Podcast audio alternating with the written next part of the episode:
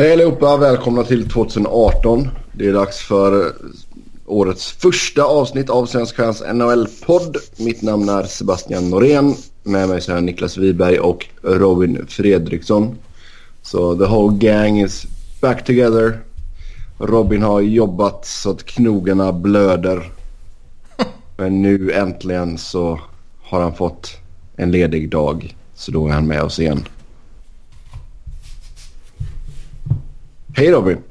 Hej! Hej!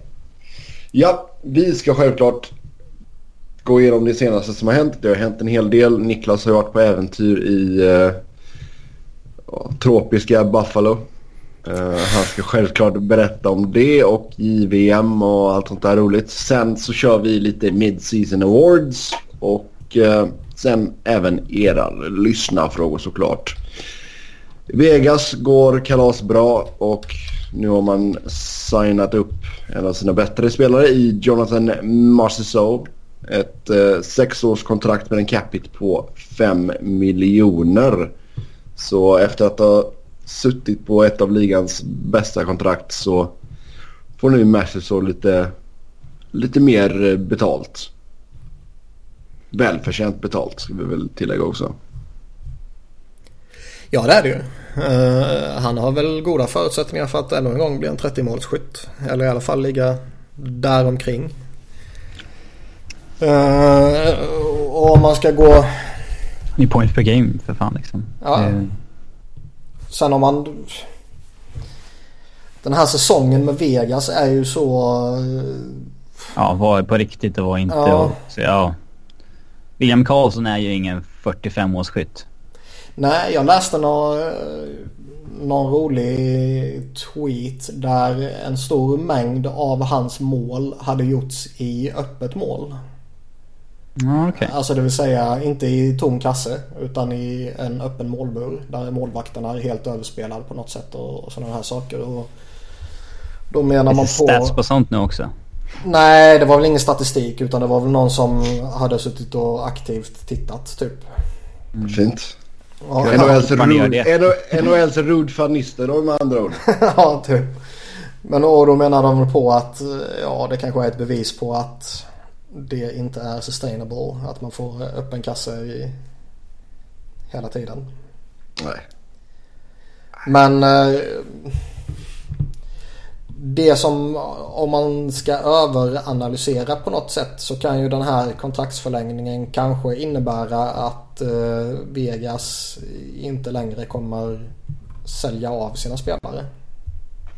Alltså tveksam till det. Då har vi fått in en lyssnarfråga. Vi kan ta och baka in den direkt tycker jag. Vad gör man med Neil? Framförallt Neil och, och, och även vad tror vi händer med William Karlsson? Får han alltså, nytt kontrakt med Vegas eller blir han bortbytt? Marknadsvärdet kommer kanske aldrig vara högre än vad det är just nu. Ah, alltså, de har ju byggt det här laget för att vara dåligt och för att liksom drafta högt kommande åren. Så de kan ju inte liksom helt byta riktning bara sådär. Baserat på hur 40 matcher har gått. Det... Säg inte det. eh, ja, men jag, ja, jag tror liksom inte det. Jag tror fortfarande att James Neal kommer säljas av. Alltså jag tror inte Marshall så är helt safe heller. Alltså han kan ju fortfarande tradas till den formidabelt eh, trevliga capiten han har i år som rental. Och sen så går han in på sitt stora kontrakt liksom som de flesta lagen förmodligen är rätt trygga med att ha honom på. Mm. Uh, jag vet inte. Det är några års skillnad på dem också ska sägas. Han är 27 och Neil är 30. Så det är skillnad mm. att skriva kontrakt med dem såklart. Jo, sen har du David Perron också såklart. Eh, Penning UFA, precis som Neil. Men jag menar, tittar man bara på om man skulle räknat Marchessault som Penning UFA så är väl han deras största tillgång. Ja, visst. Uh, och jag, någonstans tycker jag ju fortfarande att den här säsongen är så galen så att man inte riktigt vet vad man ska förhålla sig till och då kanske det fortfarande är rimligast att förhålla sig till vad man i grunden trodde om Vegas. Vilket ju var att man skulle få problem. Och att man mm. kanske ska agera ut efter det.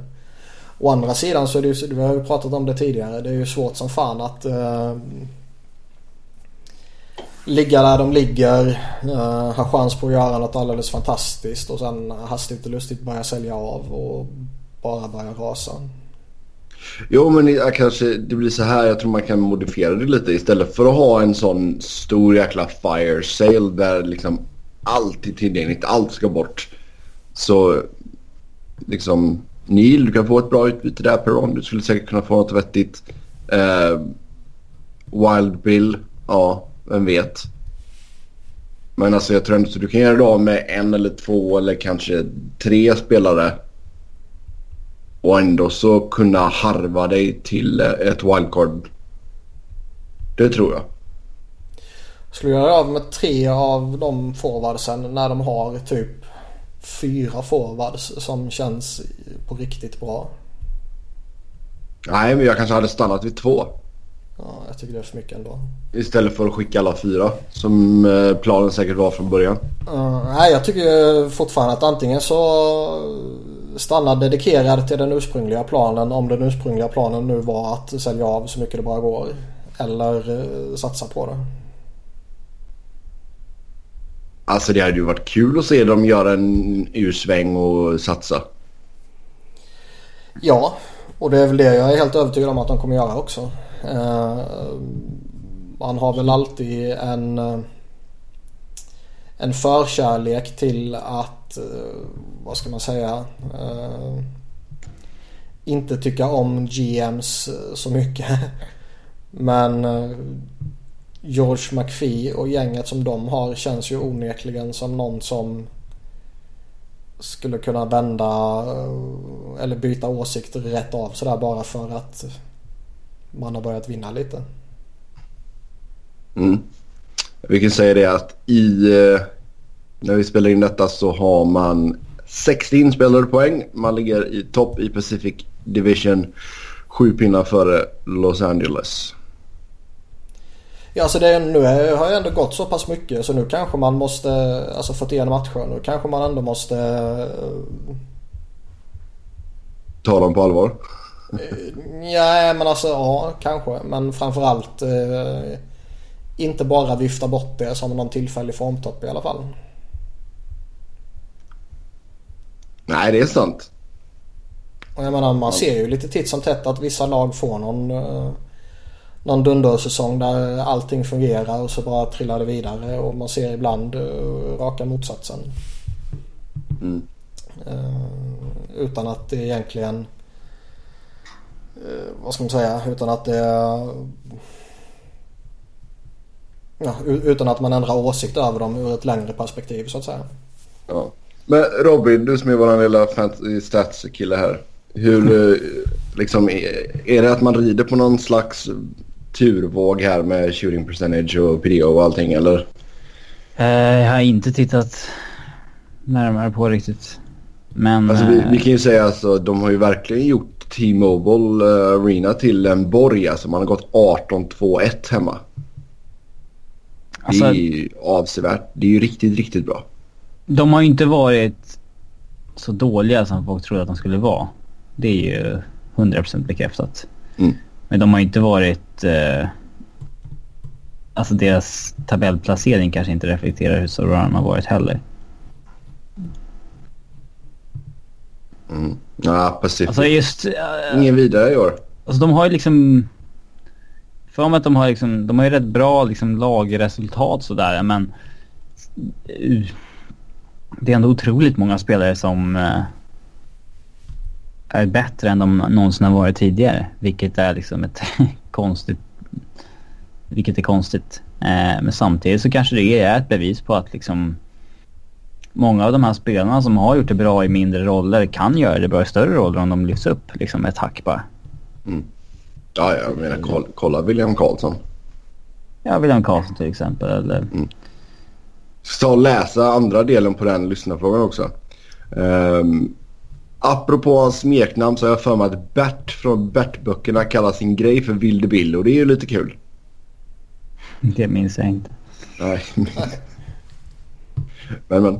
Uh, så, så är det med det i alla fall. Så Massiso, han kommer få betalt. Det, som sagt, det har han verkligen förtjänat. Uh, Scott Mayfield, New York Islanders. Uh, fem års förlängning, 1,45 miljoner capita på honom. Inte mycket att säga där va? Gedigen. Det är väldigt... Är det tidigt? Är det långt?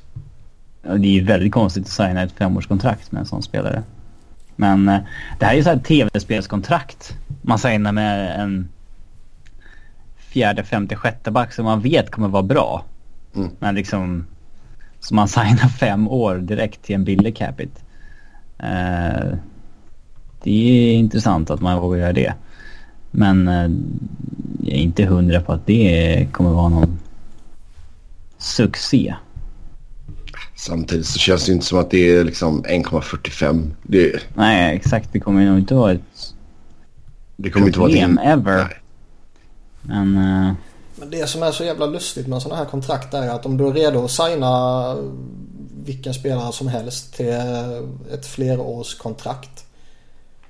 Så kan du hamna i en förhandling där varenda spelare kräver det. Jo, det är sant. Kolla LA till exempel. Som vi Jag vill ha sju år, sju år, 750 000. Ge mig det. Ja, nej men LA som vi har hatat på högst befogat i väldigt många år. De var ju usla på att signa upp eh, sina halvdana forwards i första hand på långa kontrakt ju.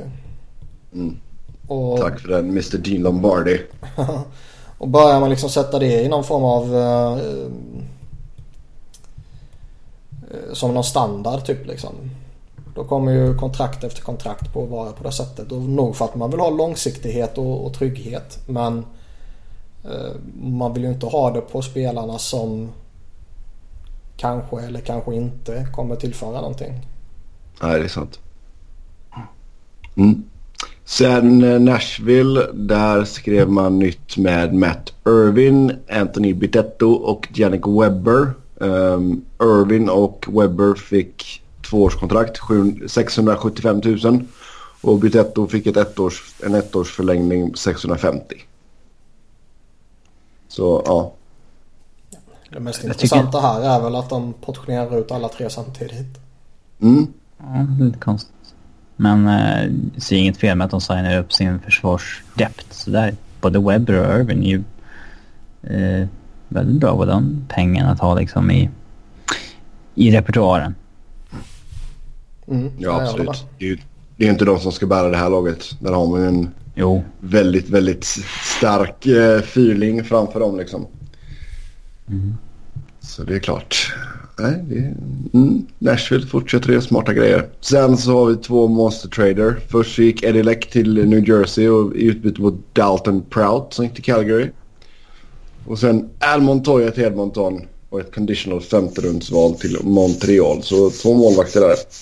Um, Eddie Leck alltså nedskickad först till Stockton då i AHL. Um, ehm, sen har han rapporterat till Binghamton.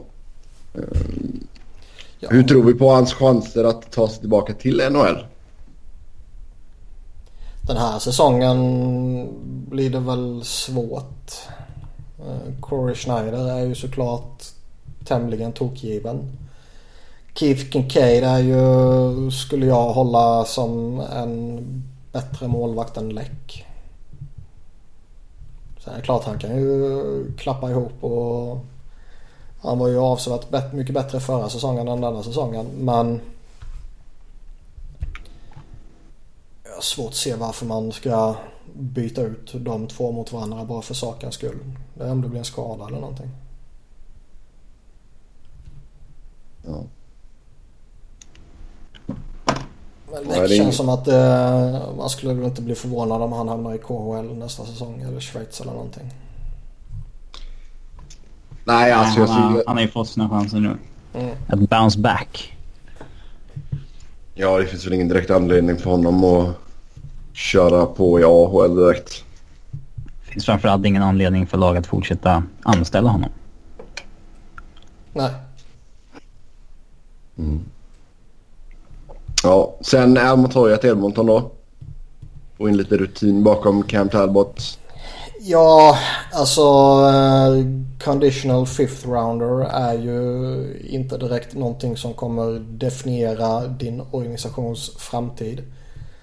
Men uh, det blir ju som vanligt alltid lite lustigt när spelare har varit tillgängliga via waivers tidigare under säsongen. Och man inte bryr sig om dem och sen tradar man för en spelare. Ja, det är ändå en tillgång liksom. Ja. Uh, ja, det är som typ Cody Franson nu som jag för mig jag skrev upp i och för sig kanske. Ja, det är ja. du.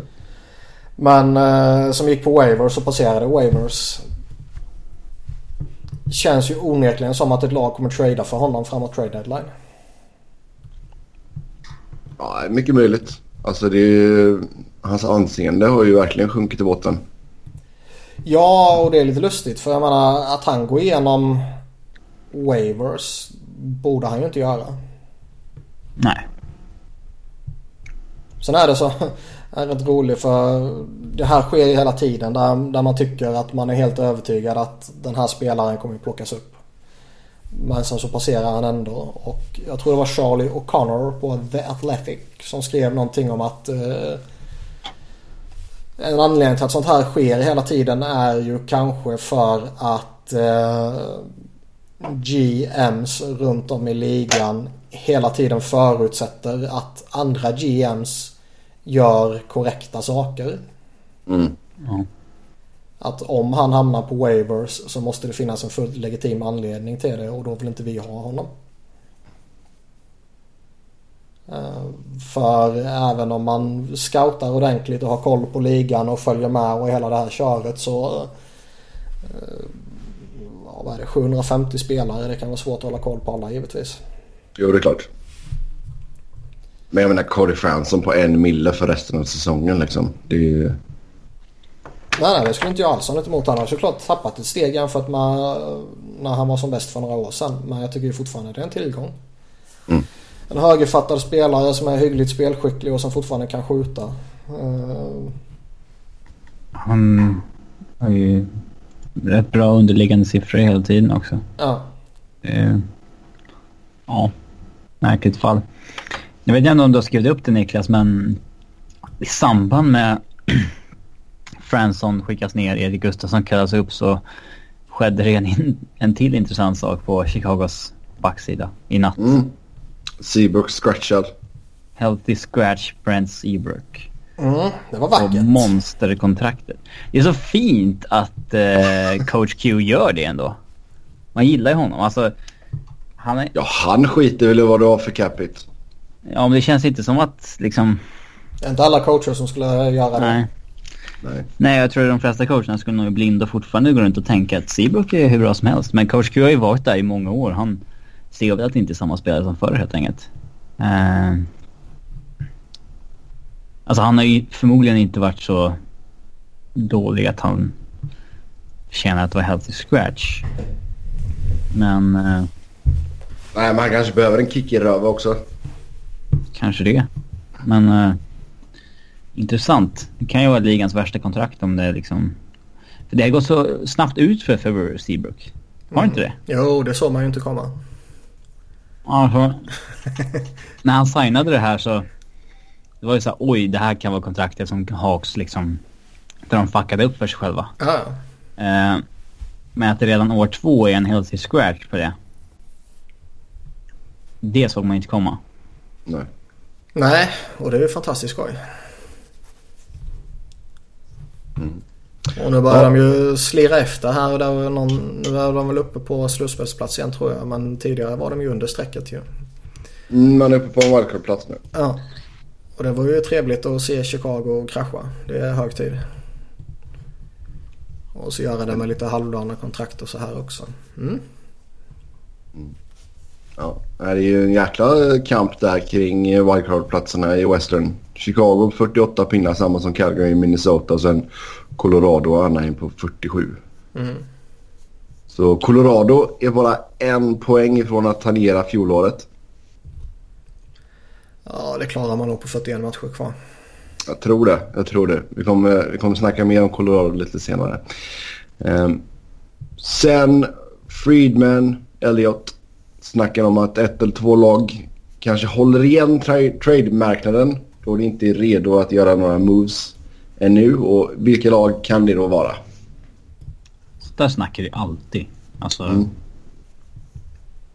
Att det, händer, det ska vara en trade som händer och sen så ska det bara floodgates ja. open. Fast det kan vara ett lag som... Uh, det behöver inte vara en enskild trade för alltså, att det är en enskild spelare. Utan det kan ju vara ett enskilt lag som ännu inte vill göra någonting. Och det kan ju vara Montreal eller Edmonton liksom. Det kan ja, också vara... Men det kan också vara Pittsburgh liksom. Mm. Man ska bara, bara måla ut något sånt här roligt alternativ så Montreal tror jag definitivt kan vara ett sånt lag i så fall. Ja. Där det känns som att de bara ska komma... Äh, nu tappar jag vad jag skulle säga men att man... Man ska känna sig bekväma med vilken situation man befinner sig i. Och inse att äh, vi kanske inte kommer klättra någonting. Vi kanske kommer harva här nere. Då kan vi lika gärna göra någonting. Antingen för att vi ska sälja av en Plekanec och Hemski och börja bygga nytt. Eller så, nej nu ska vi äh, plocka fram en syndabock och det blir Max Pacioretty eller någonting. Mm, man sägs ju vara redo att göra sig av med just Max Pacioretty. Mm. Syndabocken. Mm. Fast det har väl ryktats om han rätt länge. Jag kommer ihåg ja, redan när de plockade in Shea Webber. Ja, men redan när de plockade in Shea Webber så började det ryktas om att uh, de vill ge C till Webber och för att göra det så behövde de trada Pacioretty för de vill inte plocka det från honom. Men... Uh, Trams. Ingen aning. Plocka det bara. Nej. Men däremot så han är ju också i ett sånt där läge som nu minns jag inte vem fan det är som vi pratade om men förra gången eller för förra gången vi spelade in och sånt där att eh, Ska man trada till sig honom nu så kan man ju inte förlänga med honom.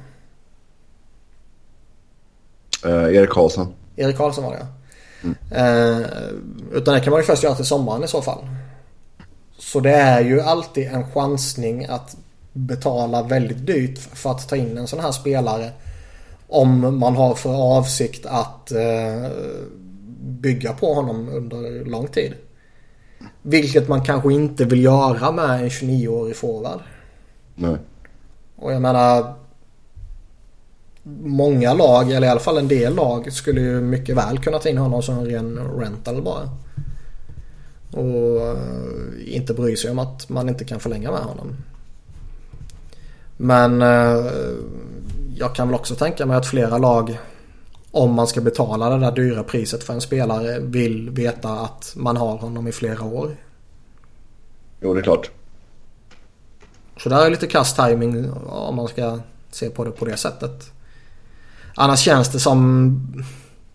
Alltså ska man bara hitta någon, någon logisk spelare att lyfta för att eh, hitta en syndabock liksom. Så är det väl han. Mm, vi får se vad Canadiens sitter på där. Det Sen är de ju fortfarande att... i det här läget att de, de har bytt bort sin bästa back och de har bytt bort sin bästa prospect och de har fortfarande ingen center. Ska de Nej, de behöver lappa ihop det laget lite. Ja, ska de nu byta bort sin bästa winger också. Och så kommer de förmodligen inte få en center för honom heller. Ja. Nej, de har lite att pula med där. Um, det snackas om att Jaromir Jagr och Calgary kan skiljas åt. Just nu är väl Jagr tyvärr skadad. Ja. Um, det känns lite som att det här kan bli ett väldigt ovärdigt och tråkigt avslut. Men ganska väntat när man fortsätter in i det sista här. Jo, Och jag menar jag tror ju knappast han vid 45 års ålder direkt gynnas av att eh, inte få med en preseason och training camp. Ja. Eh, utan komma in så pass sent som han gjorde i den åldern. Det tror jag väl som sagt inte direkt är de, de bästa förutsättningarna. Eh, även om man kanske överskattar ett training camps betydelse. Så tror jag fortfarande att man i synnerhet i den åldern kan må bra av det. Eh, sen Så han har väl haft en lite sån här svårdefinierad roll och kanske spelat så högt upp i hierarkin som han hade önskat. Och inte fått ut så jättemycket och hela det här köret. Och det verkar väl lite som att eh, trade-marknaden för honom inte var jättestor. Det verkar som att intresset i somras inte var så stort heller. tror jag. Mm, mm. Eh, Att det är lite svagt intresse nu det kan man ju förstå med tanke på att eh, ja, han har, dels har han varit skadad och dels har han inte producerat så mycket. Men i somras tyckte jag ändå var lite förvånande. Oh ja. Men det känns förra väl som att... spelade han bra. Alltså det? Förra säsongen sp- spelade han ju väldigt bra. Ja, men det känns väl lite som att de kommer eh, komma överens om att bryta kontraktet och så eh, sticker han väl hem i så fall. Det har varit riktigt tråkigt. Ja, Ett alternativ är väl att sätta honom utanför laget fram tills eh, han är helt frisk igen och göra ett nytt försök då. Mm.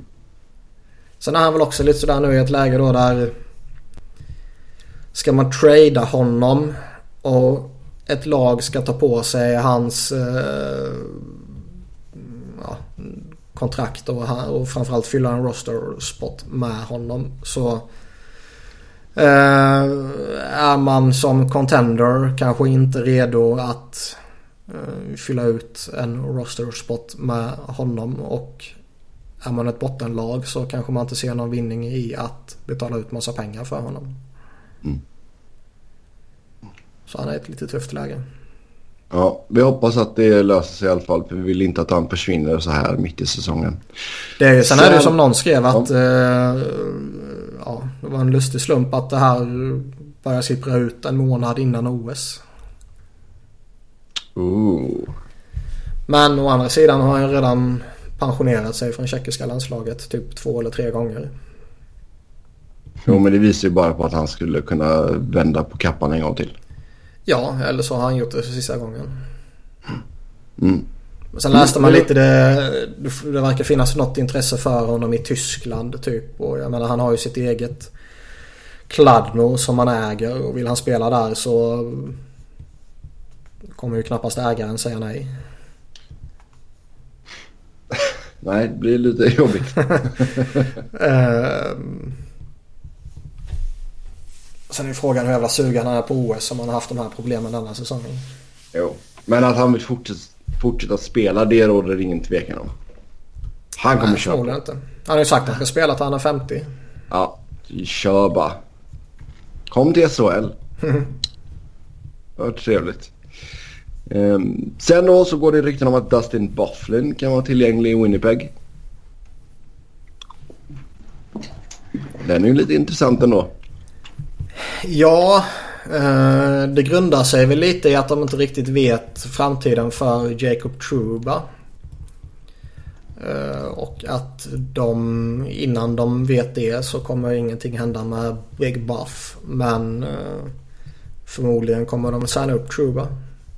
Och då Jag kanske är man... fortfarande inte löst där med Truba alltså. Nej. Eh, Och signar man upp honom på ett långt och dyrt kontrakt och så har man kvar Tyler Myers och så är det lite mm, överfullt på högersidan. Och då kanske man offrar Big Buff. Det känns väl inte helt osannolikt att man kanske skulle göra det. Jag menar, han fyller 33 i år. Sitter på ett ganska välbetalt kontrakt. Producerar ju fortfarande helt okej men Fast nu är ju Winnipeg i, det här, eh, i den här situationen som vi har väntat på att de ska ta sig till i flera år. mm, Där de äntligen har eh, tagit det där steget. Och de har gjort det med Mark Scheifele skadad vilket ju är en, Nu är det väl bara några veckor här men ändå. De håller i det under de här veckorna när han är borta. Och det är ju en bra bedrift.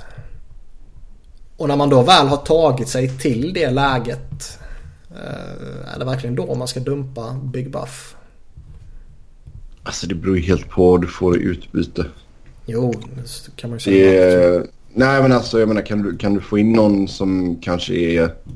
Det är ju svårt att in en ren ersättare till honom för han är ju ganska unik. Um, men det kanske hade varit bättre att få in någon som är lite mer i alltså samma åldersgrupp som Coren är nu liksom. Buffy är ju ändå så lite smågammal. Jo, det är han. Sen samtidigt så... Sen detta är ju någonting du kan göra i sommar. Det är ju ingenting du behöver göra nu. Nej. Men det är liksom ändå ett läge där... Eh, hans värde de senaste åren har väl rimligtvis inte varit så lågt som det är nu. Nej, nej, nej. Alltså det är ju inte... Vad var det? 14-15 han gjorde... Nej, 13-14 så gjorde han 20 mål. Sen säsongen efter så gjorde han 18 och sen 19. Förra säsongen så blev det 13. Så jag menar liksom visst det går neråt sakta men säkert liksom. Um. Sen undrar man lite vad, vad, som skulle hända också i, i det här läget där de är nu om man skulle börja skaka om en massa i laget. Skicka upp han på uh, forwardsplatsen igen bara. um. Nej men för det ser man ju lite då och då så uh, hör man att folk är lite oroliga för att göra något stort när man ligger i ett bra slagläge och sådär. Att det kan skaka om lagsammanhållningen och hela det här köret. Men... Eller så gör man sig av med en mobbare. En Big Buff och så mm. lyfter hela laget. ja exakt. Ja, lite, var lite fingertoppskänsla där kanske. Ja. Eh, Chris Letang sägs kanske vara tillgänglig i Pittsburgh. Det där är ju jättelustigt samtidigt som det är jättelogiskt. Dyrt, hyfsat långt kontrakt, skadebenägen. Det är inte så dyrt alltså, sett till vad han är när han är frisk. Då är det ett fynd. När han är frisk. Där har du... Ja. Men han kanske har lagt det värsta bakom sig och kan spela 82 matcher här nu. Vem vet? Ja, det är väl inget som tyder på det i och för sig. Nej. Nej. Men han är ju...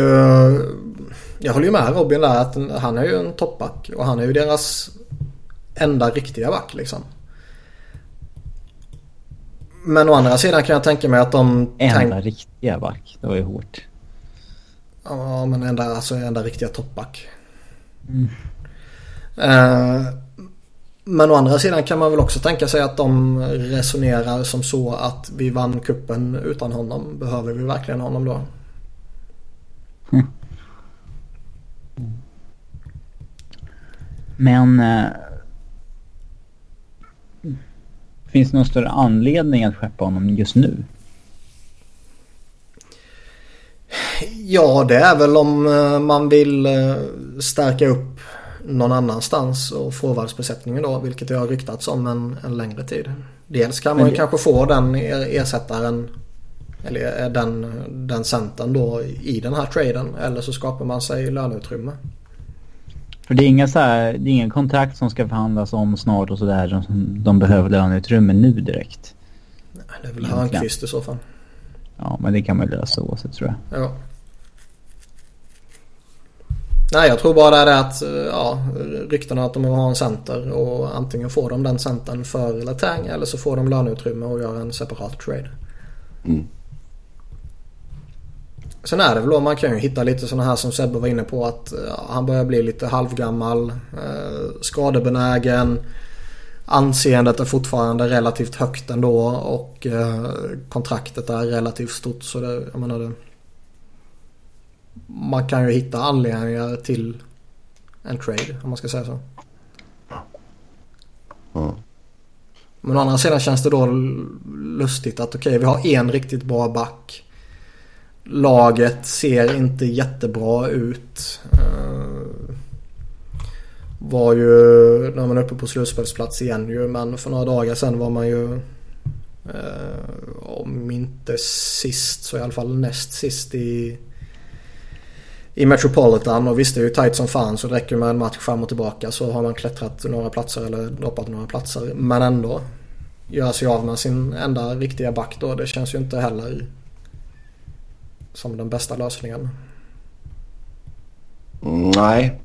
Nej. Det är ju inte så att... Jag tror inte Justin Schultz är, kommer liksom steppa upp så mycket som han gjorde förra året kanske. Nej men han har ju varit bra för dem sedan den traden och... Uh, ja, men det var, det var ju nog hans peakår tror jag. Ja, man kan ju inte förvänta sig att han gör de siffrorna hela tiden såklart. Och tittar man på den här säsongen så eh, är det ju inte mycket som tyder på det såklart. Men jag menar han har ändå varit en avsevärt mycket bättre back här än han var i Edmonton. Oh ja. Eh, men att han på något sätt ska gå in och bli första backen som när Letanga är i gott slag så är han ju en av toppbackarna i ligan. Det har han ingen i, i truppen som kan. Det slog mig nu när jag kollade på Pittsburghs lag att satan vad dåliga Tagarina producerat i år. Ja. Även i fjol. Det är intressant. Ett år till på fyra miljoner. Mm. Klappkass. Mm. Mm. Yes, sen Carolina och St. Louis. St. Louis. Uh, St. Louis nämns som alternativ för Mike Hoffman. Ottawa ska dock inte vilja ha liksom picks och prospects utan man vill ha färdiga spelare. Det gick ju något rykte om att Blues hade lagt eh, ett bud med prospects på eh, Hoffman då. Jaha. Ja, och eh, det ryktades väl då både om Robert Thomas och Jordan Kuru. Att någon av dem kunde vara involverad i den traden. Eller kanske till och med båda två. Mm. Men att man eh, från Ottawa inte var intresserad av det. Känns det rimligt? Alltså det känns väl rimligt så tillvida om de fortfarande har uh, den här eh, tanken att vi kan fortfarande ta oss till slutspel. Ja, det blir jobbigt. Ja, det lär det ju bli. Men eh, jag menar, vi, vi har ju pratat om Ottawa många gånger och ingen av oss har ju någon vidare eh, överdrivet positiv bild av dem. Eh, och vi har väl båda, eller båda, alla tre någonstans resonerat kring att om de redan har gjort den där monsterupphämtningen en gång så kan de ju mycket väl tro att de kan göra det en gång till. Ja, absolut. Uh, Men varför, varför ska de ens skeppa Hoffman? Ja, för att de är galna. Ja. Nej men... Uh... Man går ju för det nu liksom. Ska man då dumpa en av sina bästa spelare? För att de kanske inte tycker han är så bra som han egentligen är. Han skjuter 7% i år kanske. Ja. ja, det är inte mig du behöver övertyga. Nej, inte, inte mig heller. Ja, kanske. Melnick. Uh, så ja, sen vet man inte hur, om det är något med pengar heller. Mm. Den där fina interna budgeten. Melnick vill inte spendera pengar. Mm. Det är sant. Mm. Då kanske man borde hitta ett sätt att dumpa Fenuf kanske. Eller Bobby Ryan. Men liksom, jag är svårt att säga att Melnick skulle bara gå ner mitt under säsongen och säga hej, du måste dumpa lön nu. Liksom. Du, jag ska köpa till båt här nu, så om du kan lösa detta. Uh, nej, sant. Nej, vi får se vad som händer på fötter där. Men, uh, mm. Anthony Duclair ska bett om en trade bort från Arizona. Uh, har ju inte varit Tockets favorit direkt. Det har varit healthy scratch en hel del. Så det ja, det förvånar mig inte överhuvudtaget. Faktiskt. Man undrar ju lite eh, efter den där säsongen han hade eh, efter traden. Mm. Så har han ju inte riktigt fått det att funka. Nej. Nej, nere i AHL en sväng och... Ja, i Tucson. Mm, Tucson. Tucson. Tucson. Men man undrar om det har gått lite för lång tid för att folk alltså fortfarande ska se honom som någon form av uh, reclamation project. Ah, så pass ung är han väl fortfarande. Så ja, han är ju bara 22 så att... Ja, nej, jag personligen skulle jag inte ha något emot det. Men uh, återigen så vet vi att ligans GMs uh, är lustiga. Mm. Men... Så fjolårssäsongen var ju flopp men... I år, 9 mål på 33 matcher. Han är liksom on pace för över 20 liksom. Vad... Jag kan förstå att han är bättre med en trade down därifrån men... Jag tycker fortfarande han borde vara rätt intressant för de flesta lagen. Mm. Ja, jag, ja, det, jag skulle gärna chansa på honom i synnerhet om vad det lilla man har läst så verkar ju priset inte vara överdrivet högt heller. Ja, typ som när Jakobov skulle från Edmonton sådär. Ja. Mm. Jag skulle gärna plocka in honom och testa honom i en vettig omgivning. Mm. Mm. Yes. Sen eh, Vegas. Hur länge håller detta? Som sagt, vi har redan pratat om det lite men alltså det är ju helt otroligt att man ligger först i Pacific efter halva säsongen. Med sju poäng till godo. Ja, nej, jag säger som jag sa tidigare. Även om 41 matcher är så pass lång tid så att man inte bara kan vifta bort det längre så har jag fortfarande svårt att se det här hålla. Och eh, i normala fall om man leder en division och man gör det relativt bekvämt så borde man ju på något sätt vara någon form av contender. Men man har ju jävligt svårt att se dem som det också. Ja. Ligan är ändå så jämn i år. Vi har ju liksom 15 contenders i princip. Ja. Men samtidigt... Jag är ju jag är rätt säker på att de går till slutspel. Jag kan, det är inga heta lag som jagar dem direkt. Nej, alltså det som jag säger. Även om man skulle skeppa Neil så tror jag ändå man kan ta sig till slutspel. Visst, du kanske inte går in som divisionsvinnare. Fast jag tycker fortfarande deras lagbygge är så pass skört så att det räcker att kanske plocka bort en eller två pusselbitar för att det ska bli avsevärt mycket sämre. Alltså det kan ju inte vara som tidigare under säsongen när de liksom hade tre målvakter skadade och... Alltså Oskar Dansk som... Uh... Gick in och briljerade. Ja, att han går in och spikar igen fyra matcher när han var liksom en medioker andra målvakt i SHL året innan. Det är liksom... Det händer ju inte igen. Det är barockt. Det måste ju liksom... Mm. Visa sig på riktigt om de tappar bra spelare i större utsträckning. Igen. Mm. Ja, och sen alltså som vi har sagt, alltså försvaret. Det ser ju inte jättesexigt ut på pappret men det har ju fortfarande varit tillräckligt bra liksom. I och med att man har varit så pass vassa framåt som man inte har varit. Man har ju, ska vi se, man har plompat in 143 mål på 41 matcher. Vilket är näst bäst i hela Western. Ja, fortfarande har man bara så svårt att liksom se det här som något hållbart över längre tid. För det är alltså, ja vi pratade Ottawa tidigare när de gjorde sin sån monsteravslutning. Vad var det? 30 matcher? Ja, var det, var det så många? Ja, 20 då. Jag minns inte. Ja. Nej, det var många vet jag. Men... Ja. Men alltså många lag kan ju få någon sådär Alltså Philadelphia fick det för några år sedan också när man bara avslutar så monstruöst bra. Och de flesta lagen i en så pass lustig sport som hockey i en jämn liga kan ju gå på en sån där formtopp. Mm. Jo, man har gått 9-1-0 de senaste 10. Um, ehm, som sagt plockat 29 vinster på de inledande 41 matcherna. Alltså även om... Visst, jag tror inte de kommer hålla i den här formen. Det gör de inte. Nej, nej. Det är att de skulle sluta säsongen på... Ja, vad, vad skulle det bli? 58 vinster liksom. Nej, det, det köper jag inte. Men som sagt, jag tror inte man kan göra sig av med typ Neil. Man kanske in på antingen Neil eller Peron. Uh, eller kanske William Karlsson ifall det nu finns något jätteintresse kring honom.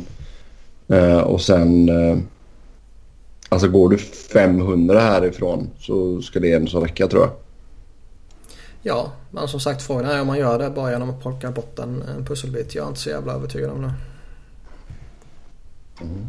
Ja, det är spännande att följa i alla fall. Det är ju helt, helt, helt galet. Mm. Då så tar vi och tar en titt på Colorado Avalanche. Vi fick ju in en lyssnarfråga där eh, det var någon som tyckte att det var väldigt intressant när vi har tagit in gäster som eh, till exempel Simpa och numerärt övertag och som diskuterat sina lag. Inte nämna honom vid namn. Nej, nej, glöm det. Glöm det. Det är numerärt övertag som gäller. Eh, och det, de vill då höra om våra lag eh, fördelat på tre avsnitt. Så vi börjar med Colorado Avalanche. Och som jag sa tidigare, man är endast en poäng från att tangera sitt, eh, sin poängtotal från förra säsongen. Eh, vi vet ju alla att de var katastrofalt dåliga i fjolår. fjolåret. 48 poäng blev det. Just nu så sitter man på 47 poäng på 41 matcher. Och Eh, det är fem raka när man gick in i sin bye week här.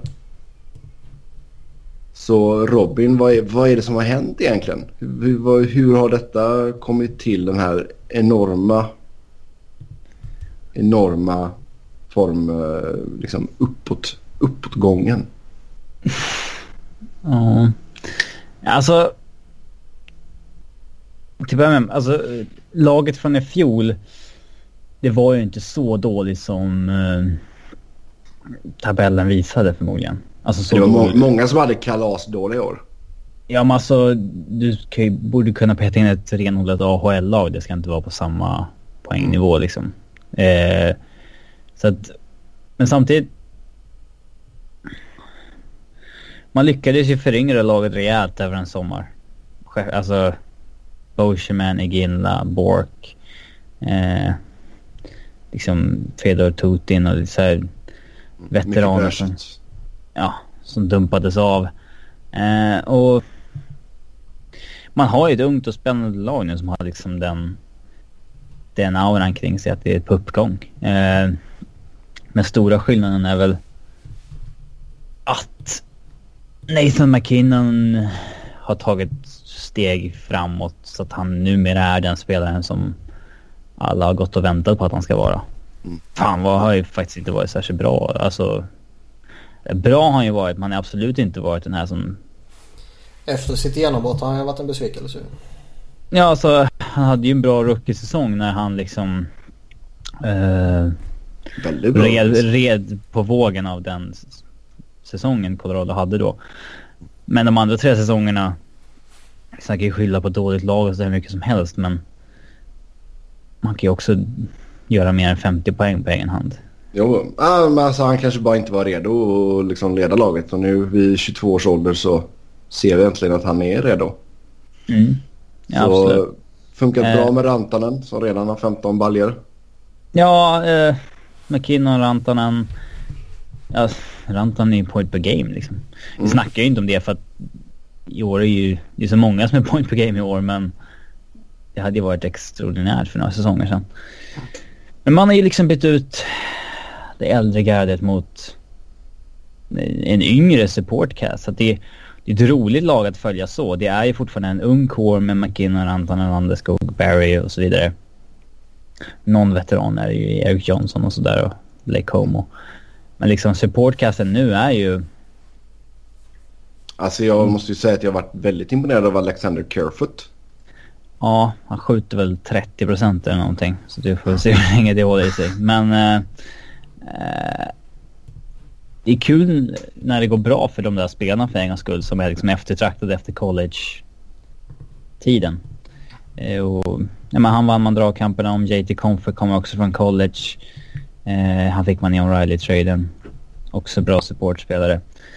Eh, Tyson Jost, första val, deras första val, spelade redan i år. Samuel Girard som man fick i Duchene-traden. Eh, Carl Söderberg har haft lite bounce back. Och sådana här reclamation project som Sven Andrighetto och Neil Jakobov liksom. Eh, mm. Det... Liksom... Det är första gången på länge som det är när man kollar på Colorado som alla fyra kedjor är liksom. Det är något intressant att titta på i alla kedjor. det brukar ju vara en fjärde kedja som är liksom... Ja, alltså även om man, oavsett om man snackar Colorado eller Philly liksom, så är det oftast en fjärde kedja där det är liksom... Ja, här kommer det inte vara något intressant att kolla på liksom. Nej. Eh, men kan man sprida ut det var fyra kedjor med intressanta spelare så blir det alltid kul att kolla liksom. Eh, Matt Duchene var ju en väldigt lång följetong. Till slut så fick man till en trade där. Fick ju ett uh, paket med många prospects och picks. Ja, där är väl Samuel Gerard det enda vi har sett hittills. Så han ser ju lovande ut liksom. Han är inte en 20 än liksom. Så att, uh, att, han bara spelar i ligan är ju liksom väldigt, väldigt bra. Mm. Uh, han gick ju liksom i andra rundan och inte en 20 än men spelar i ligan. men sen så istället för att ha Boscheman och Tutin på backsidan som är liksom... Alltså, det blir ju bara sämre med åren av att ha dem. Alltså, det, det finns ju ingenting att hämta där. Nej, nej. Så det är ju mycket roligare att ha um, Patrik Nemeth eller Nikita Sadorov som liksom spelar kontinuerligt. Liksom, Patrik Nemeth är ingen talang längre, han är 25, men det finns i alla fall liksom någon form av förhoppning om att han har någon utveckling i sig eller att liksom, det kan växa ut till något bättre hela tiden. Än att han liksom... Än att det bara blir sämre för varje månad som går med Boscheman liksom. Uh, ja. Uh, och man, alltså man har ju dessutom fortfarande intressanta spelare utanför laget som... Uh, alltså Connor Timmins och Cale McCarr är liksom... Uh, två oerhört högt rankade prospects i, inom Hockey Canada liksom, på backsidan. Mm. Eh, så de...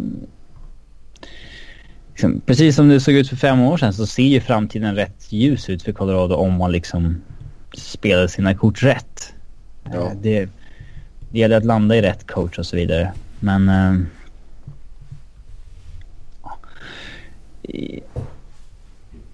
Ja, vad har du att säga om Bednar? jag vet inte. Han har, han har ingen som helst liksom, historia av eh, NHL-framgång i och med att han var helt färsk. Och det är ju... Ja, alltså jag, jag tycker inte om att han eh, har satt Jakobov som helt till scratch några gånger. Men eh, det tror jag att alla coacher i ligan hade gjort. Eh, jag har väl inget emot honom, men Alltså fjolårssäsongen är ju suspekt ändå. Vad som hände där egentligen. Och han var ju liksom ytterst ansvarig. Men... Eh... Ja, alltså man var ju lite förvånad att man inte så höll kvar honom. Ja, men... Eh... För jag menar i ett sånt läge så är ju coachen en av dem som kan ryka när det går så pass dåligt liksom.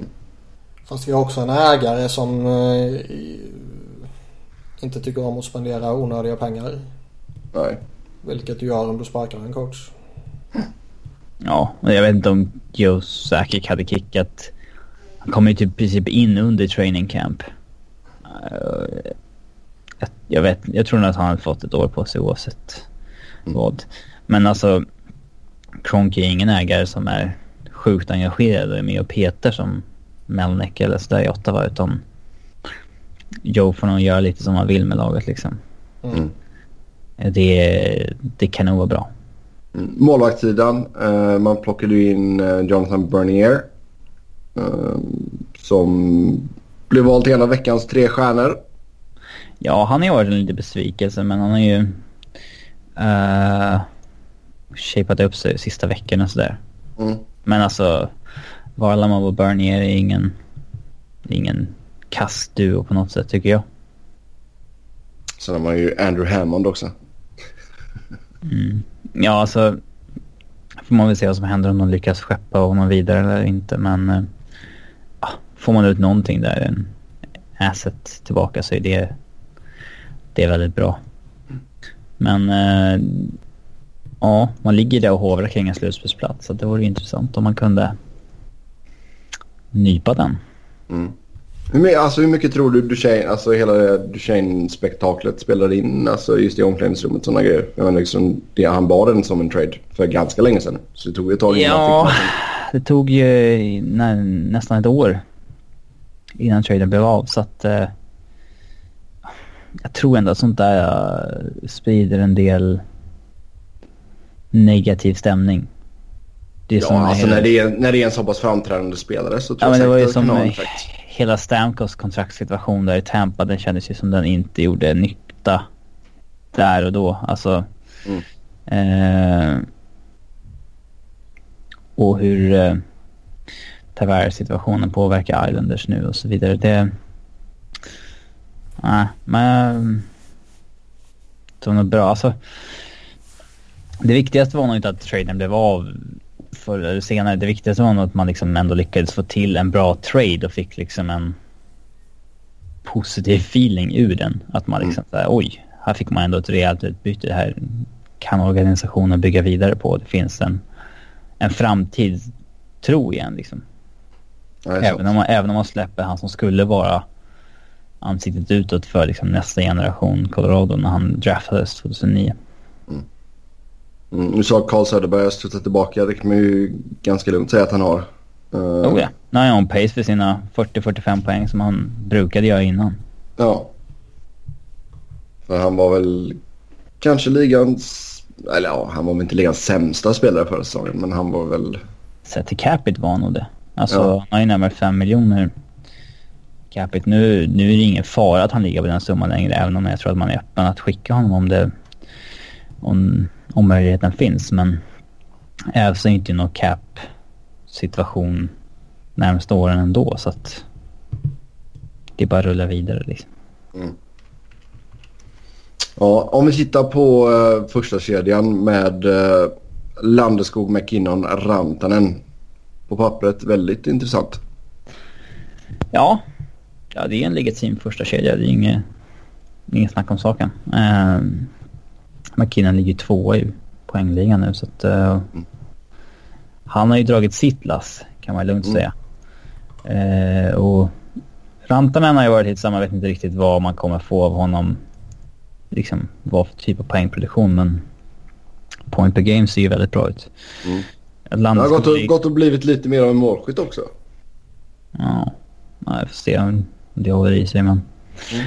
Land, Landeskog, eh, han kommer väl han hade också en tung säsong i fjol som alla andra men kan han vara en 50-60 poängspelare så är det liksom det är ju hans, hans nivå. Han blev inte den liksom jag vet inte, när han draft, alltså när han gick in i ligan och gjorde 50 poäng första säsongen så, där, så fanns det väl en förhoppning att han skulle ja, alltså göra upp mot point per game, bli en sån power forward. Mm. Även fast det samtidigt fanns frågetecken för om man hade tillräckligt med offensiva skills för att göra det. Eh, han... Hans mängd skott per match går fortfarande liksom neråt igen. Han, inte, han kastar inte alls lika mycket puckar på mål som han gjorde förut och sådär men... Eh, han skjuter 17 procent i år vilket är ju klart över hans, över hans snitt. Men... Eh, ja, alltså fem, han kommer vara en 50-60 poängs winger med väldigt bra tvåvägsskills. Så det, det är ju första line-nivå på det också. Men den där offensiva spetsen finns inte riktigt där tyvärr. Mm. Nu har man ju Tyson Berry långtidsskadad så man får se hur, han, hur man hanterar det. Men även han låg ju liksom... Jag tror att han har gjort näst flest poäng av backarna i ligan när han blev skadad. Mm. Eh, och han har ju fortfarande liksom varit med lite i trade-rykten och sånt där. Så att Mm, tror du det händer någonting här nu innan uh, trade deadline? Nej, det tror jag inte. Jag skulle gärna istället se att man förlängde med lite spelare som man eh, har utgående på som Jakobov och kanske Barbero eller Nemet också. Men där kan man, det är ju spelare man kan hitta, hitta nya. Mm, ja, Nemet är ju RFA så det är väl ingen jättebrådska där va? Mm. Nej. Eh, Barbero som du säger i UFA. Samma med Bernier och Como. Man kan ju säkert släppa Barbeiro för att man vill lyfta upp Chris Bigra på riktigt. Han har ju haft hjärnskakningsproblem och sådär. Ja, han var ju precis uppe för några år sedan men har hamnat utanför igen. Uh, ja, och sen så Cale McCarr som han draftade svinhögt då förra året. Han kommer inte vara kvar i liksom han kommer inte stanna utanför NHL hur länge som helst när man går sådär högt.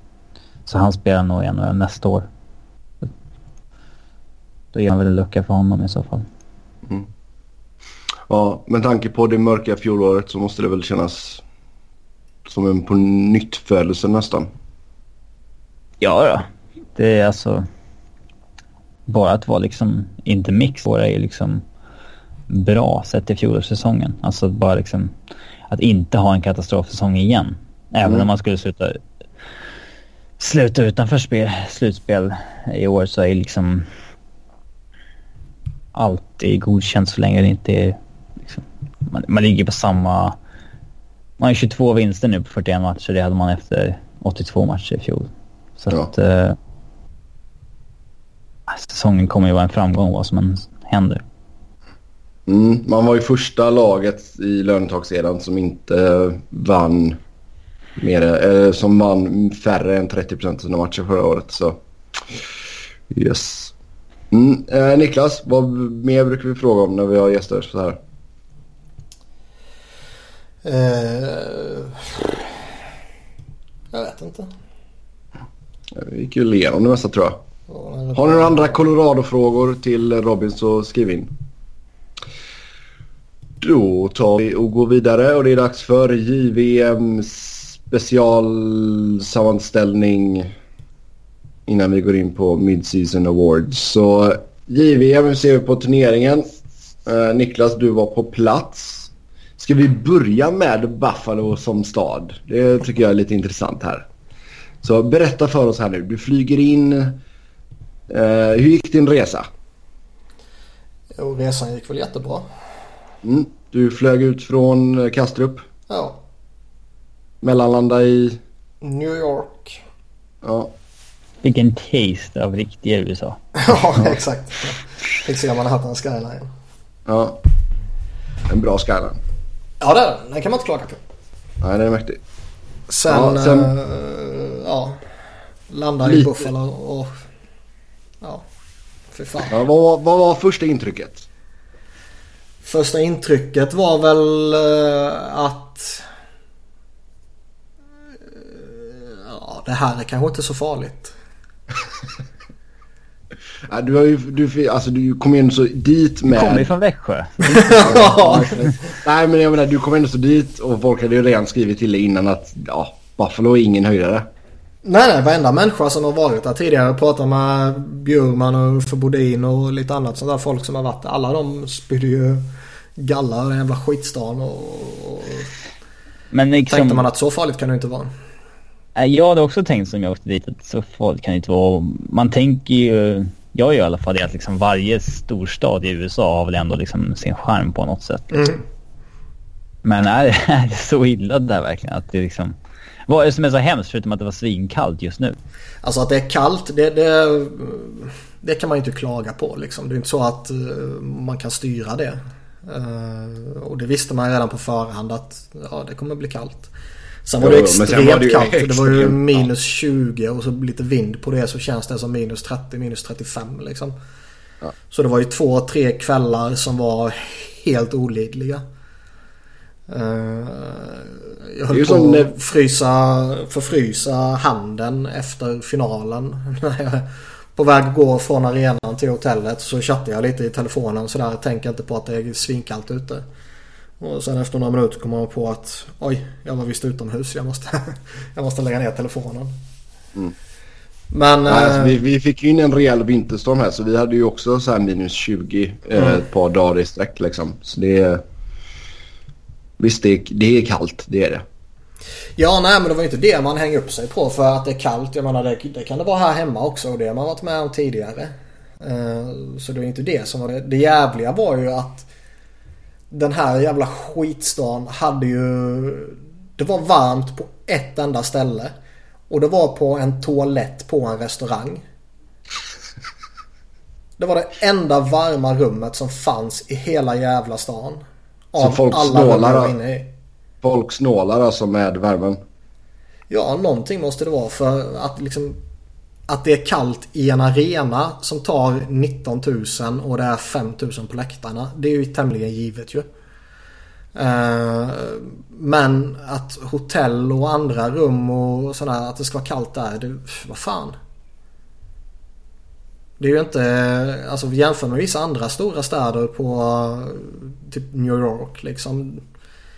Där kommer det lite snö och så blir det kaos. Men det är ju för att de inte är redo för det. Men jag menar i Buffalo är ändå så pass högt upp och så pass nära Kanada så att de har ju riktiga vintrar. Så de borde ju jo. fatta att ja, blir det kallt så blir det riktigt jävla kallt inomhus också. Och eh, snöröjning visste jag inte vad det var. Man ska promenera på en trottoar så var det ju antingen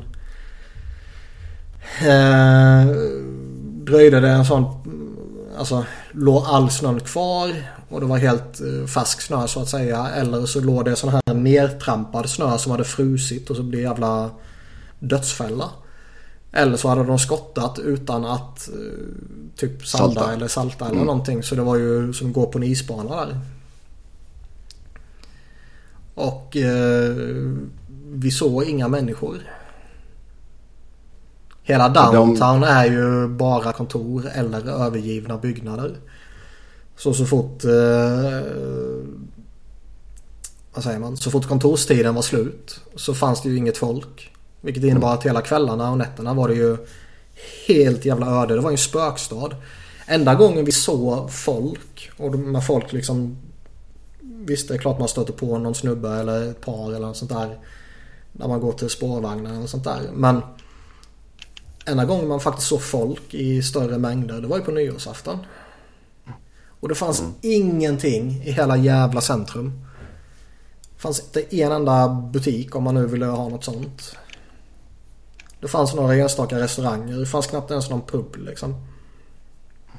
Jo men så, alltså, så är det ju i vissa, alltså, jag menar det såg man även när jag bodde i Phoenix. Alltså där var det också mycket kontor downtown. Sen har det blivit bättre med mer restauranger och sådana grejer.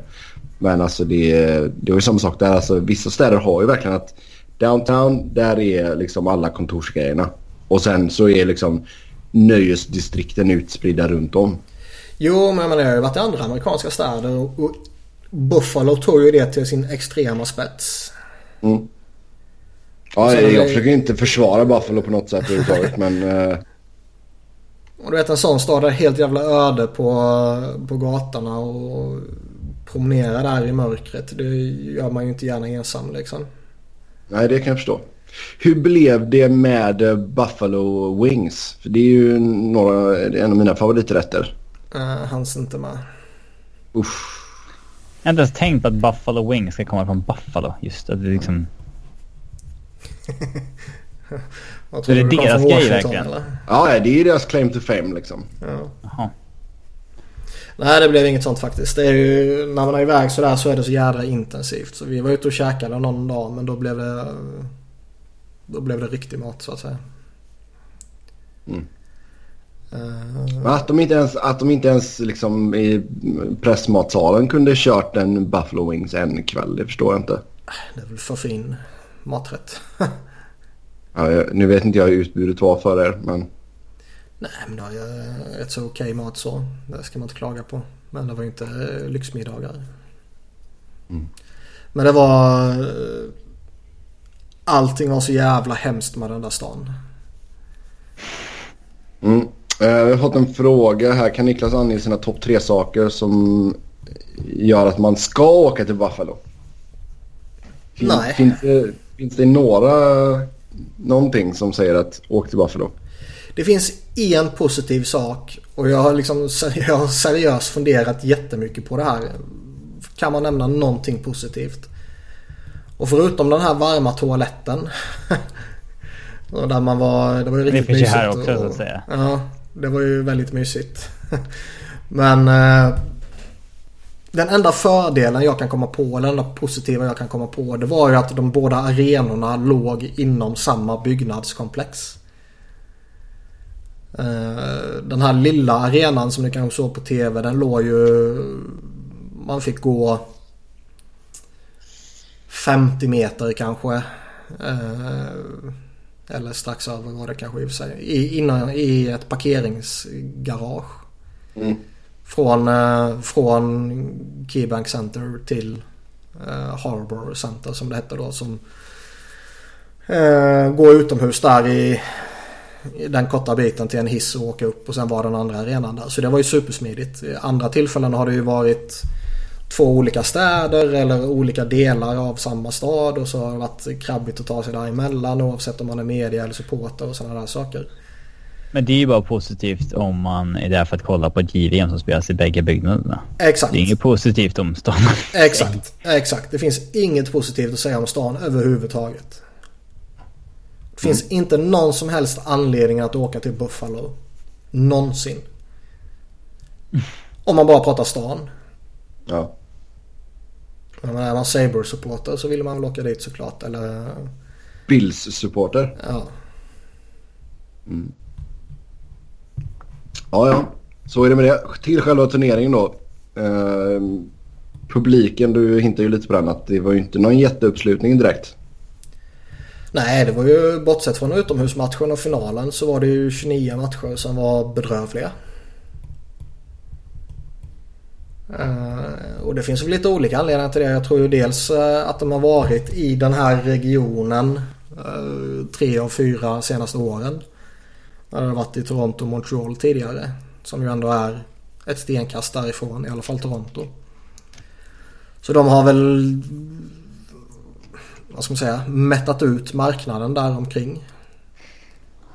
Vilket mm. de också i IOF då erkände på en sån här avslutande presskonferens eh, sista eller näst sista dagen att eh, de hade överskattat marknaden där typ. Men det stod väl mellan Tampa, Buffalo och vad var det mer? Arizona? St. Louis. St. Louis? Okej. Okay. Men då tog man Buffalo för att det är så nära till Toronto att man hoppades att... Ja. Alltså en avgörande faktor var ju att både St. Louis och Buffalo hade ju med en utomhusmatch i sin... Uh, I sitt pitch. Ja. Det är ju svårare att göra det i Tampa. Ja. Ja. Nu var det en positiv grej liksom. ja, nej och sen så tog de väl då Buffalo för att de har gjort... De, de var ju där för några år sedan och då var det ju jättebra med publik Och då kände de väl att ja men då blir det så igen. Men så, och sen var det ju mm. höga biljettpriser. Vad kostade en biljett? Alltså bara ta utomhusmatchen som ju verkade vara av någon helt obegriplig anledning eh, väldigt eftertraktad. Eh, och som verkar vara en stor grej av idioterna där borta ju. Så var ju den billigaste biljetten var ju 55 dollar. Och det var ju inte alla som köpte den billigaste biljetten. Nej. Och säger man då som farsa ska gå med sina två uh, ungar eller någonting. Då är det ju några tusenlappar kanske. Men mm. så ska du betala parkering och så kanske man ska köra från Kanada så kostar det lite bensin och sen ska man käka lite och så ska man ha något varmt att dricka för att det får svinkallt och sådana där saker. Mm. Um, och jag menar kommer man sen in i, i slutspelet så var ju priserna rätt höga också. Finalbiljetterna tror jag den billigaste var 50 dollar någonting också har jag för mig. Mm. Sen gick det något, något snack som jag i och för sig inte riktigt vet om det var hundra bekräftat. Men att man kunde köpa några biljettpaket till massa olika matcher för 10 000 kronor. Och det låter ju Oj. jävligt galet. Ja. Klippkort. Alltså. Jag förstår inte hur man som människa kan finna ett intresse i att kolla på en hockeymatch utomhus. Alltså under några som helst omständigheter. Alltså det... Inte det är ju... på ett endaste sätt. Alltså det är ju en upplevelse. Men vad fan är det, det en jävla någon... upplevelse? Vinterkräksjukan är också en upplevelse. Jag det finns ju ingen fördel med. Man ser inte pucken, det är utomhus, att det är kallt. Vad... Nej, jag håller med dig. Det var... Alltså när vi var på pressläktaren där, det var ju varmt och skönt ju. Och det var en fantastisk middags och dessertbuffé så vi trivdes ju där uppe. Men jag menar man såg ju ingenting. Jag satt ju på pressläktaren och så tittade jag på TV som satt framför mig för att kunna se någonting. Mm. Uh, och den var inte mycket bättre den vinkeln. Nej men där såg man ju i alla fall någonting. Mm. Uh, och, och där, liksom den pressläktaren där var ju samma avstånd som vanliga läktaren. Och man ser ingenting och det börjar snöa mitt i allting vilket gör att man ser ännu sämre. Och eh, att liksom ha den upplevelsen. Jag förstår inte varför man bränner alla de pengarna på det. Eh, det ska ju däremot sägas att när vi sen mot slutet smet ner och stod vid ringside. Då var det rätt häftigt ju. Mm. Men det tror jag väl snarare mer är för att Oh, vi fick se lite hockey. Fan vad trevligt. Ja. Nej, alltså, som sagt, jag kan, jag kan köpa att det är en upplevelse liksom. Jag var själv på utomhusmatchen mellan Frölunda och Färjestad på Nya Ullevi. Det var en upplevelse. Där hade i och för sig ganska bra biljetter så vi kunde fortfarande se vad som hände. Mm. Fast den var ju inte lika... Det var ju inte samma avstånd från läktarna till rinken väl? Nej, nej, de gjorde det ju smart. Alltså det var ju, där ställde man ju upp träläktare. Mm, men som var ganska nära. Mm. Plus att man hade mustasch som spelade.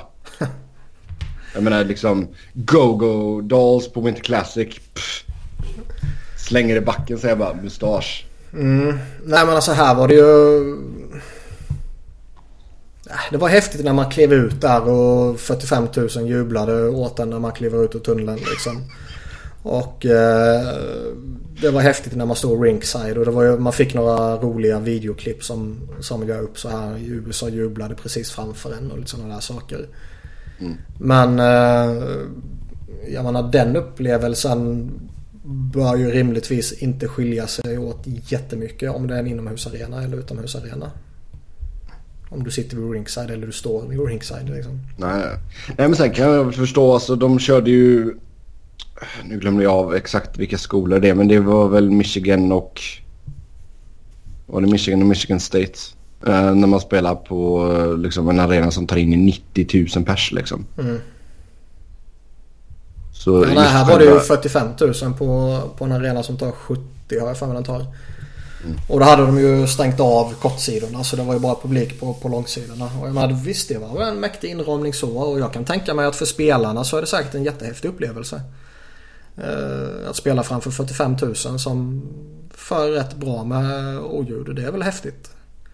Men för publiken som inte kan se ett skit och vem som gjorde vad i Kanada var ju helt omöjligt att se.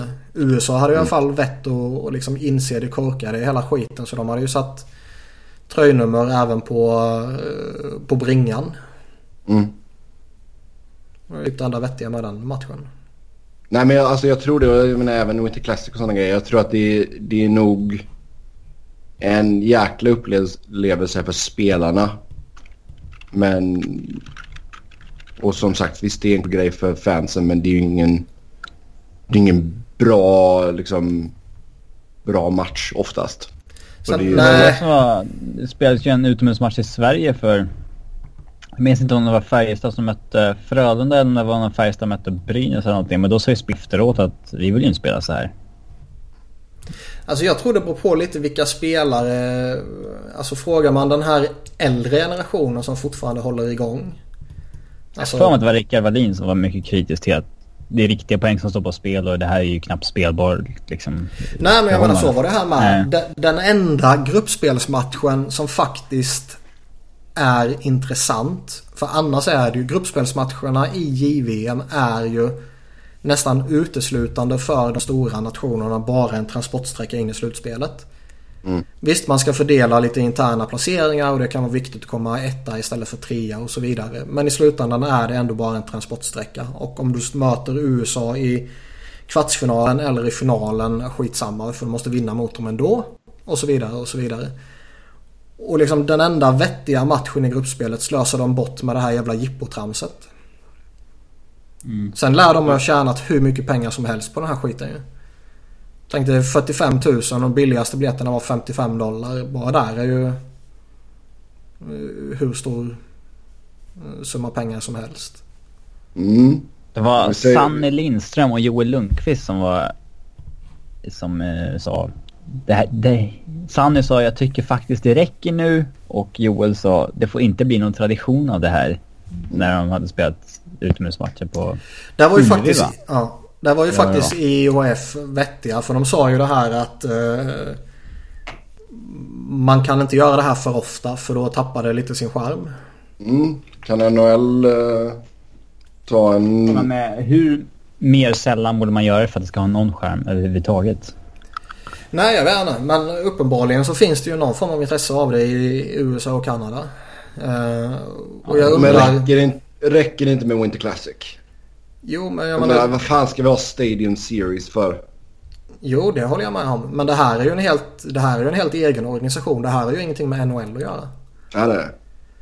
Eh, sen tror väl jag i och för sig när man pratar om det kan vara häftigt eller inte sådär för spelarna så tror jag... eh, Alltså pratar man med det äldre gardet, de som är 35 plus typ. Så kan väl en stor del av dem ha vuxit upp på en utomhusrink typ. Jo. Ja, Henrik Men- Lundqvist vill du spela en utomhusmatch varje år. Men hur många av dagens ungdomar gör det? Ja, det är sant.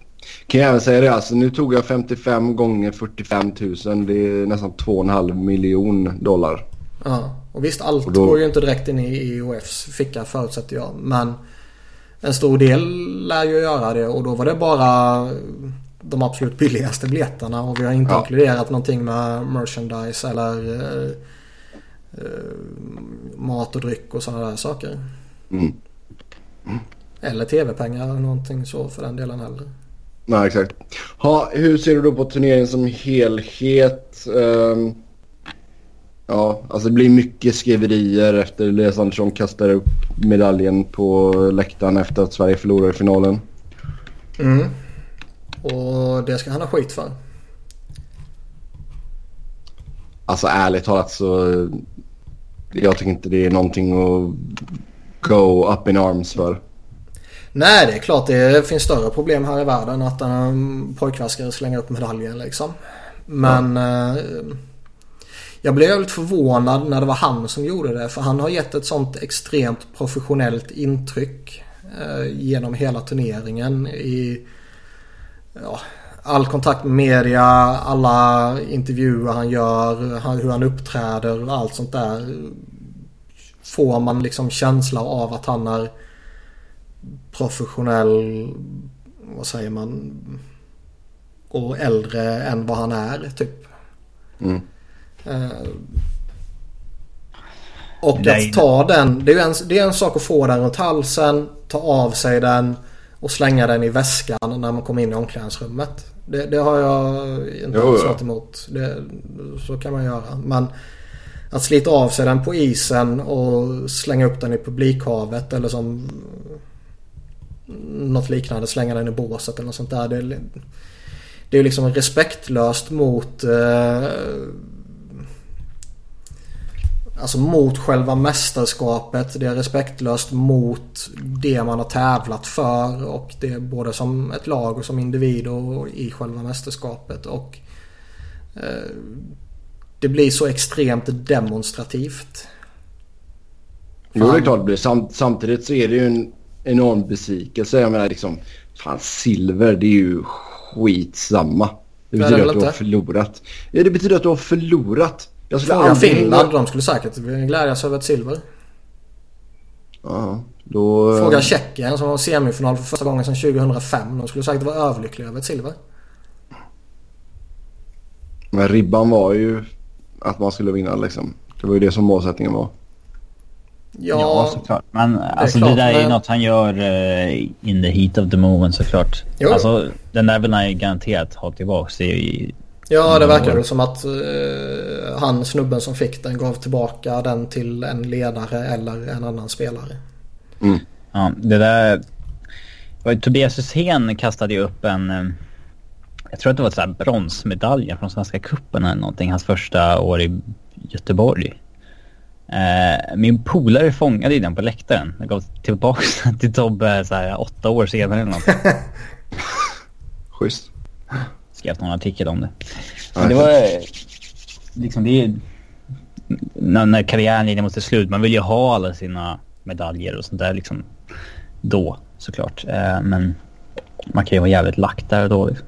Absolut. Ja, och någonstans känner man ju att visst du är besviken här och nu och det är ju fullt eh, acceptabelt att vara det såklart. Men eh, tänk några sekunder längre.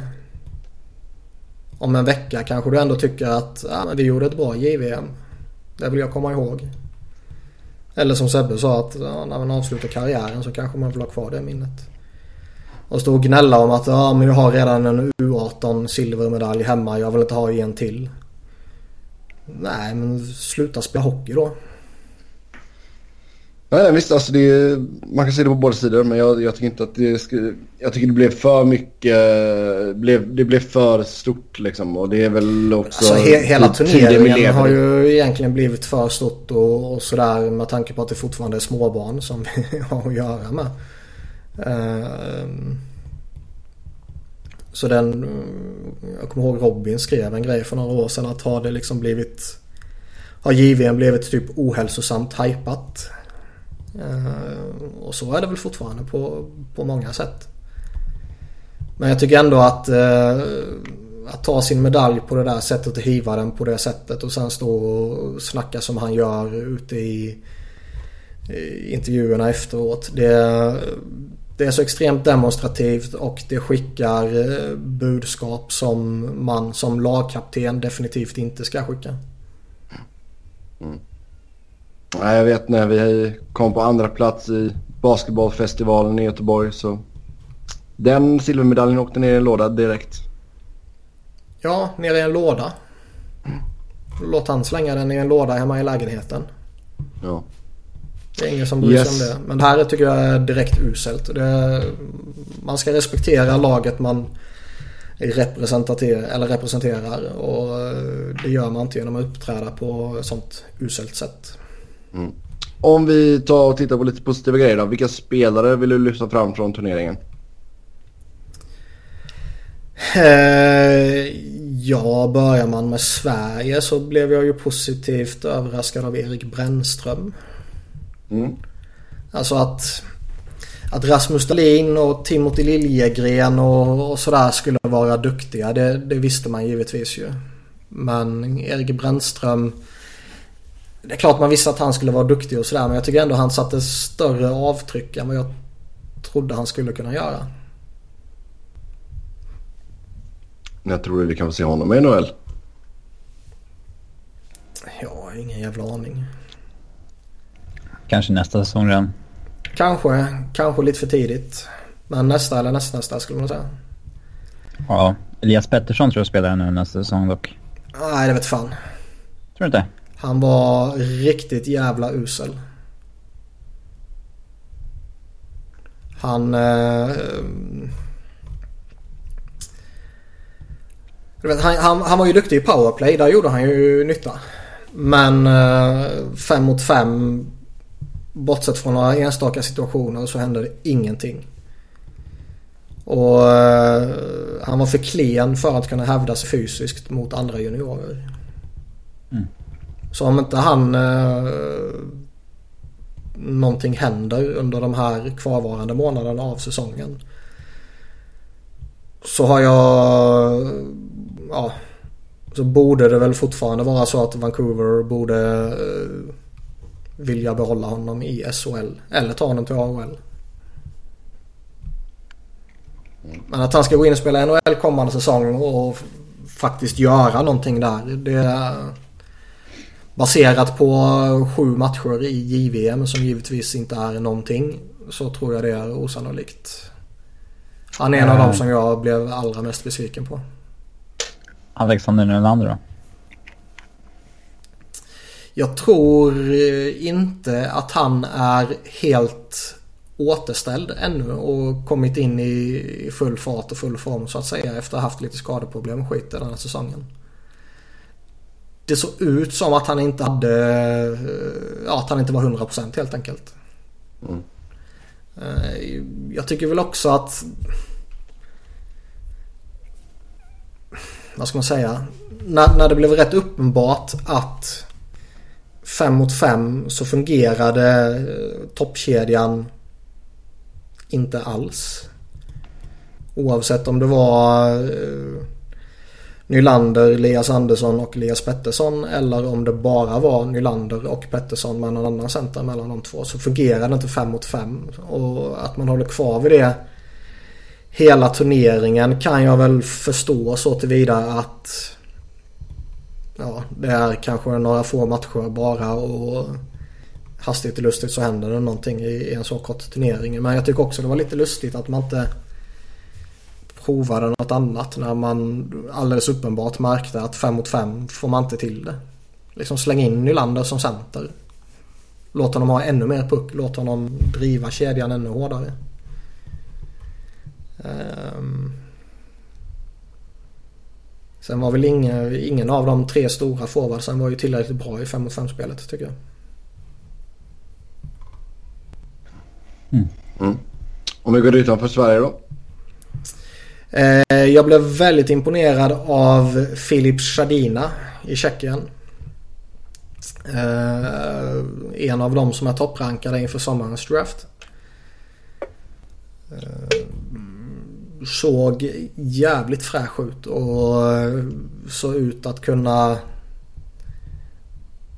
vad ska man säga, skapa någonting ur ingenting. Jag tycker alla de tre stora tjeckiska forwardsen var ju framträdande. Utöver Sardina så Filip Schüttil och framförallt Martin Nekas var ju väldigt duktiga. Mm. Och där Tjeckien var väl också ett typexempel på hur det kan gå under en kort period om du har dina toppspelare i gott slag. Att eh, då räcker det att du har en handfull spelare som går väldigt bra så kan det ta dig väldigt långt.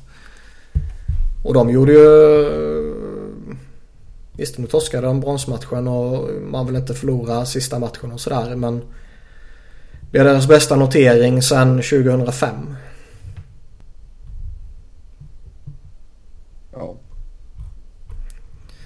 Eh, man blev såklart även grymt imponerad av USAs toppspelare. Casey Mittelstadt var ju JVMs bästa spelare.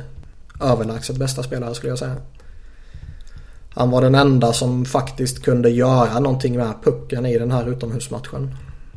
Det var precis som att snö och vind och blåst och kyla och skit inte påverkade honom utan han spelade som vanligt ändå. Eh, Kiefer Bellows var ju extremt framträdande. Nätade en massa och eh, knäckte ju Jeremy Ronicks gamla rekord från 88 eller vad det nu var. Med antalet mål i ett JVM för en amerikan. Brady Tachak tyckte jag såg riktigt fräsch ut också. Eh, så lillebror Tachak kan nog ha något spännande på gång. Mm. Mm. Bra gener där. Jo, minst sagt. Ja. Var på väg att krocka med pappa. Och det är nog en kamp jag ja, Den hade du förlorat. Ja, ja. verkligen. Jag hade kunnat stämma honom sen. Vet du. Ja. Det är sånt man kan göra i USA. Det skulle vara det. Kollar man på Mästarna yes. Kanada så var det ju... Mm, Carter Hart var ju jättebra i kassen. Höll Kanada med rakt igenom. Eh, är väl en stor anledning till att de faktiskt vinner. Med tanke på att jag tycker att Sverige nästan var bättre i finalen. Men han håller dem kvar och lugn och fin och trygg och hetsar aldrig upp sig och, och sådär. Eh, annars tycker jag det är få kanadicker som verkligen står ut. Typ förutom Drake Batherson som gick in och gjorde fruktansvärt många mål. Från typ ingenstans. Mm. Eh, Måste väl också säga att Cale McCarr faktiskt såg eh, väldigt intressant ut. Avs. Ja. En uh, fullt legitim offensiv back som borde kunna bli någon sån här uh, Tory Krug, Shane Gustafsberg typ i, i, i alla fall liksom. Mm. Det var lite chansning när man tog. Man visste ju inte vad han var riktigt. För Nej, han har ju spelat på så här kass liga. Uh. Uh, och man lät ju Elias Pettersson gå förbi liksom. Mm. Annars vad har vi mer? Uh, Maxim Sjusko i Vitryssland också. En sån här flyer prospect som gjorde bästa JVM-insatsen någonsin av en vitrysk spelare. Det var en väldigt positiv överraskning för mig i alla fall. Ja, det kanske då. Uh, vi, har, vi, har, fått in en lyssnarfråga här och det får Axel Jonsson Fjällby som har, hade JVMs bästa hår. Får han lira i NHL nästa år? Det skulle förvåna oerhört. Alltså grejen är att visst, han är häftig och eh, jag tycker att uh, fjärdekedjan alltså, där med, med Jonsson Fjällby och Marcus Davidsson i, i första hand rätt ofta faktiskt var Sveriges bästa kedja. Så tillvida att väldigt mycket spel förlades i offensiv zon. Man ser ju att det är en fördel om man har spelare som spelar ihop i klubblaget redan. Oh. Som Davidsson och Fjällby har delat kedja hela säsongen med den andra Davidsson-brorsan Jonathan. Eh, och det är ju en klar fördel när man ska gå in i en kort turnering. Eh, men alltså, jag, jag tror Fjällby sa det själv också att ja, han är nog inte så snabb som folk tror och sådär. Utan det är mer hans åkstil att det är väldigt fladdrigt och liksom mm. hållet flyger och så vidare. Det är nog mer det som folk tycker är lite Det ser fall. snabbt ut. ja, eh, snarare än att han liksom är någon raket egentligen. Ja. Eh, så han har ju beundransvärd liksom inställning i sin... Beundransvärd inställning i sin forecheck och så vidare. Men... Eh, eh, det är ingen NHL-spelare nästa säsong. Det skulle förvåna... Det skulle förvåna något oerhört. Han var framträdande här och där sådär men...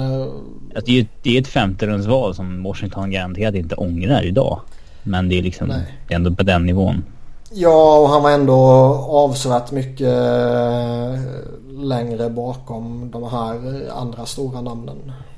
Mm. Mm. Yes. Ja, så om du skulle summera turneringen med ett, ett ord. Du får baka in staden Buffalo där också. Misslyckande. Ja. Där har vi det. För grejen är att alltså det var... Förlapp. Ja. För jag tycker... Visst det var skitskoj att vara där och eh, det var skoj på alla sätt och vis så. Men ur underhållningsnivå som supporter, publik, eh, kalla det vad som helst. Så var det ju en besvikelse. Ska man lägga JVM i Nashville helt enkelt? Nej men alltså ligger det verkligen under rätt tidsperiod? Ja det går ju att diskutera. För jag menar tittar man hemifrån på tv så att säga då kanske det är perfekt. Det är en period där väldigt många är lediga rätt mycket kanske. Och eh, mellandagar och grejer så får man lite mer ledigt i vanliga fall även om man eh, knegar på så att säga. Och eh, ja, man kanske har tid för, för det helt enkelt.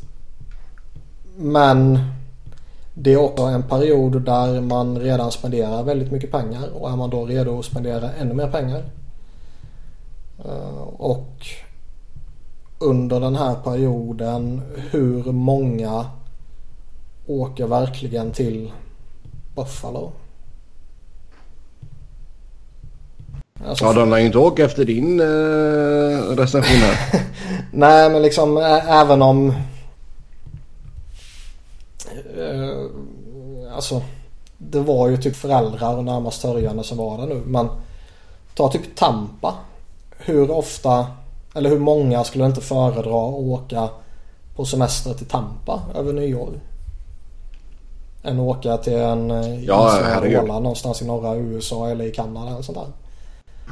Uh, nu verkar det ju som att biljettförsäljningen till Vancouver JVM här om ett år verkar ha gått jättebra. Uh, å andra sidan så är jag alltid lite suspekt till sådana här uh, biljett eh, vad heter det, biljettförsäljningar och, och sådär för eh,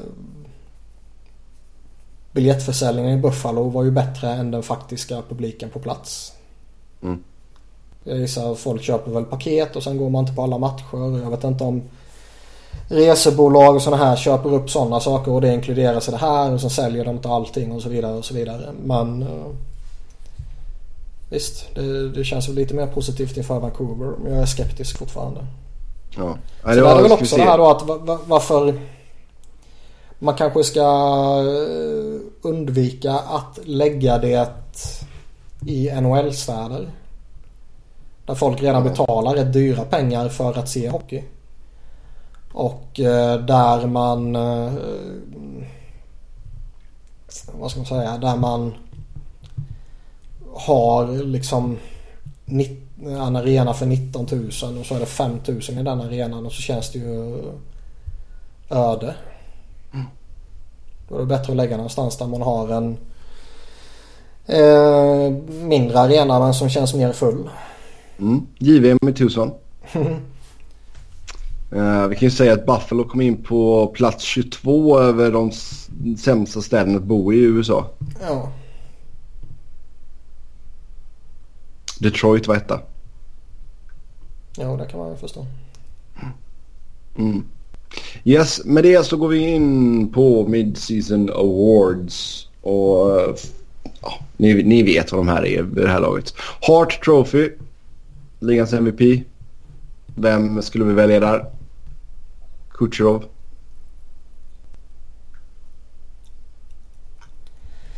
Eh, här är väl den vanliga diskussionen som kommer upp då när man har två så extremt framstående. Är det Farrell att den ena över den andra? Då tar vi McKinnon då. Nej, jag menar Kutjerov eller Stamkos. Jag menar två lagkamrater såklart. jo, men jag menar att de tar ut varandra. Um, ja, alltså. Alltså grejen är jag vill ju nästan slå ett slag för Blake Wheeler där. Blake Wheeler? Men det är om man ska ha den, alltså är Hart Trophy säsongens bästa spelare eller är det Most Valuable? Liksom? Är det bästa mm. spelare Kutjerov utan tvekan. Ja. Eh, ska man väga det in... det brukar bli. Det är, ju det, det, är det det blir. Det håller jag med om helt och hållet. Ska man däremot gå på eh, den riktiga definitionen så är det ju MVP. Ja, då är det ju ansiktshoppet där. Nej men jag tycker ändå Blake Wheeler, Winnipeg har äntligen tagit det här klivet och när Scheifele blev skadad så Wheeler klivit in som första center och, och fortsätter plöja på bara. Skulle... Jag tycker han förtjänar lite beröm. Skulle Colorado kriga till sig ett vildkort är ju McKinnon där också. Ja, ja. Klart. Och samma sak med Tavares när de alltid ha, halkar eller liksom hovrar kring strecket sådär. Att liksom bär han upp dem dit då är han ju aktuell. Oh, ja. Yes. Ja. Men som jag ser det nu så är det väl Kutjerov eller Wheeler. Ja. Säger vi Kutjerov. Vezina Trophy, ligans bästa målvakt. Uh...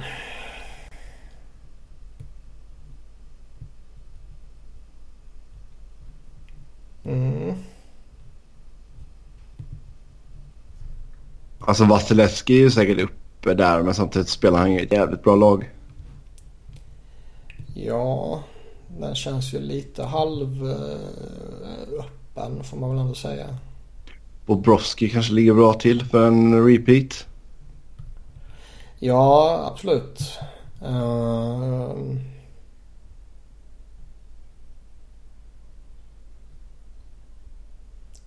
Vad fan ska man mer nämna? Jonathan Quick.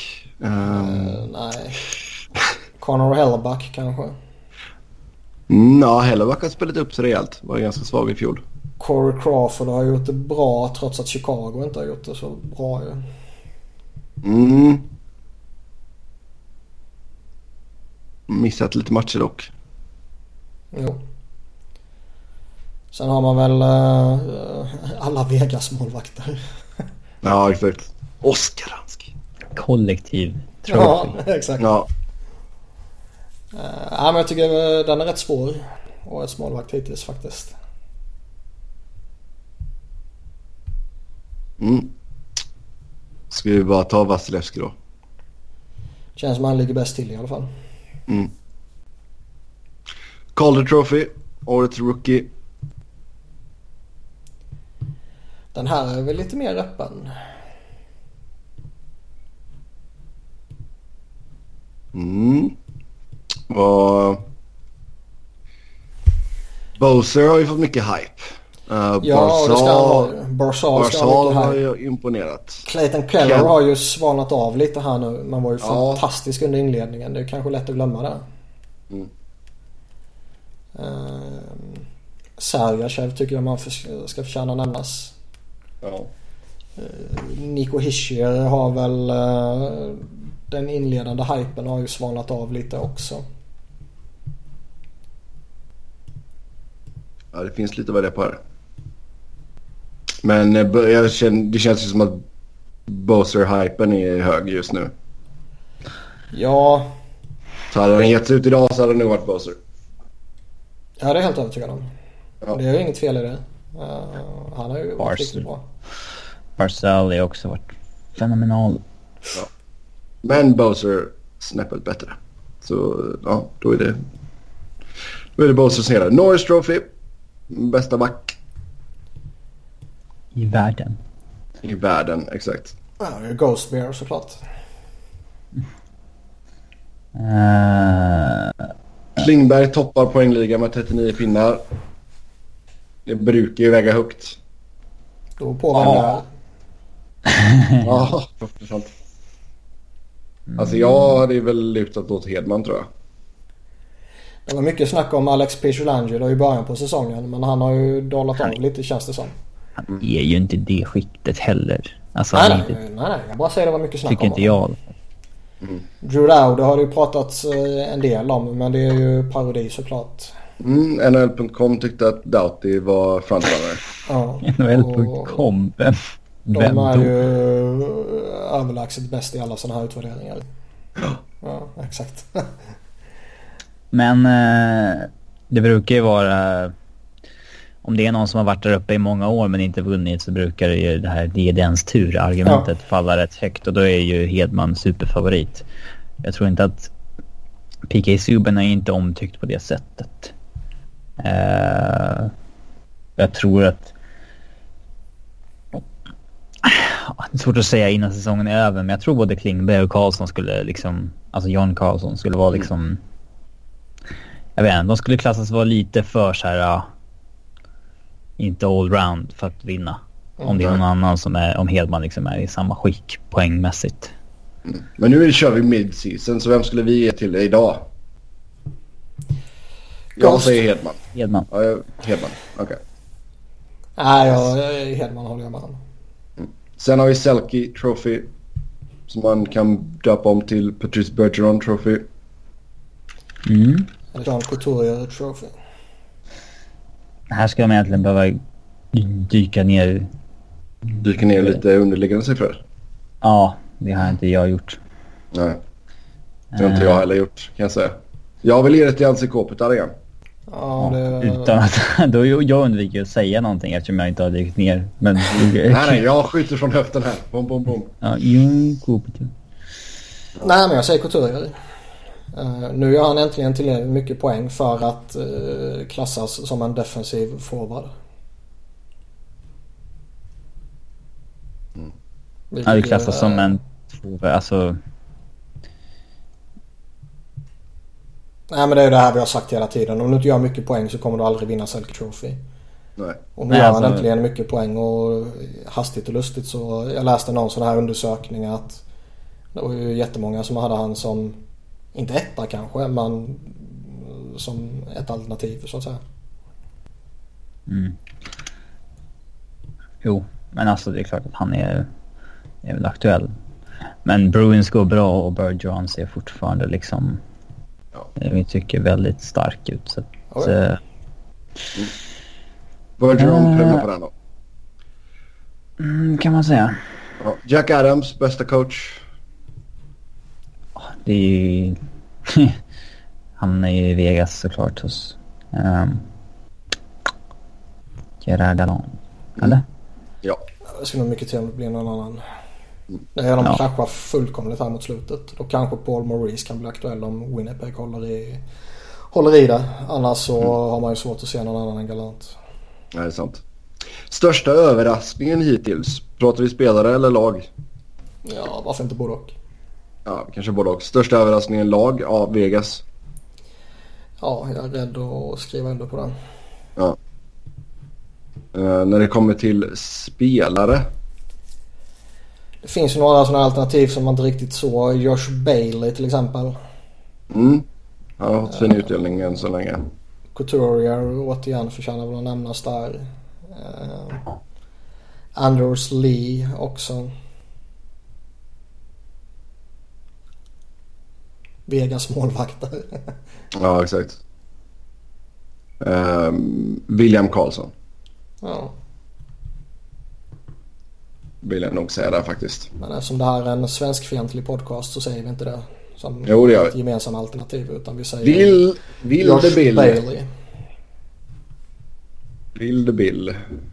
Uh, största besvikelsen hittills? Lag?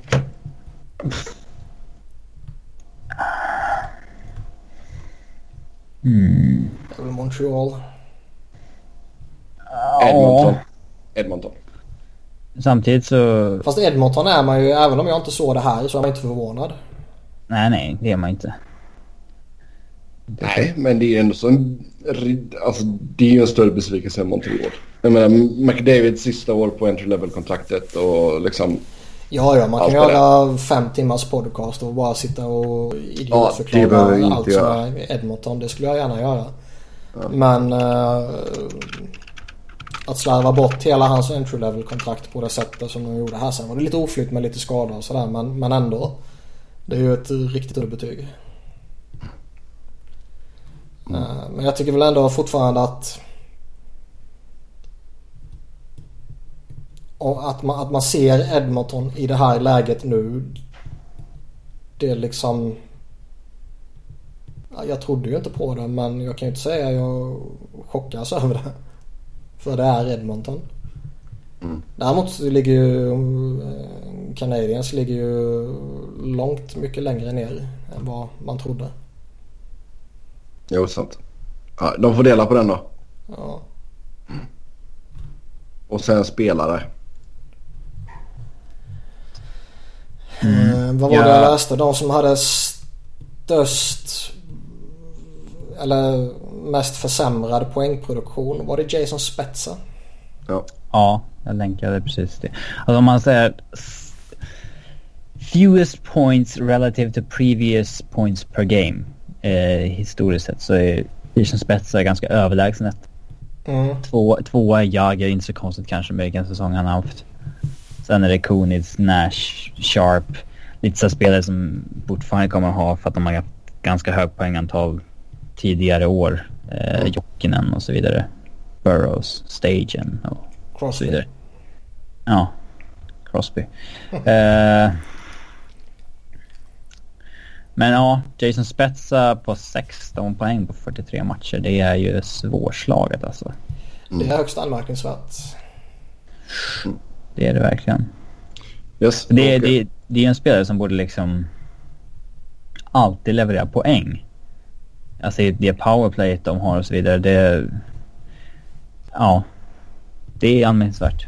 Mm. Mm. Absolut, då får han den. Då glider vi in på lyssnarfrågorna som vanligt. Tack till er som har skrivit in till oss. Först ut, hur ser ni på valet Dubois istället för Puljujärvi nu 18 månader senare?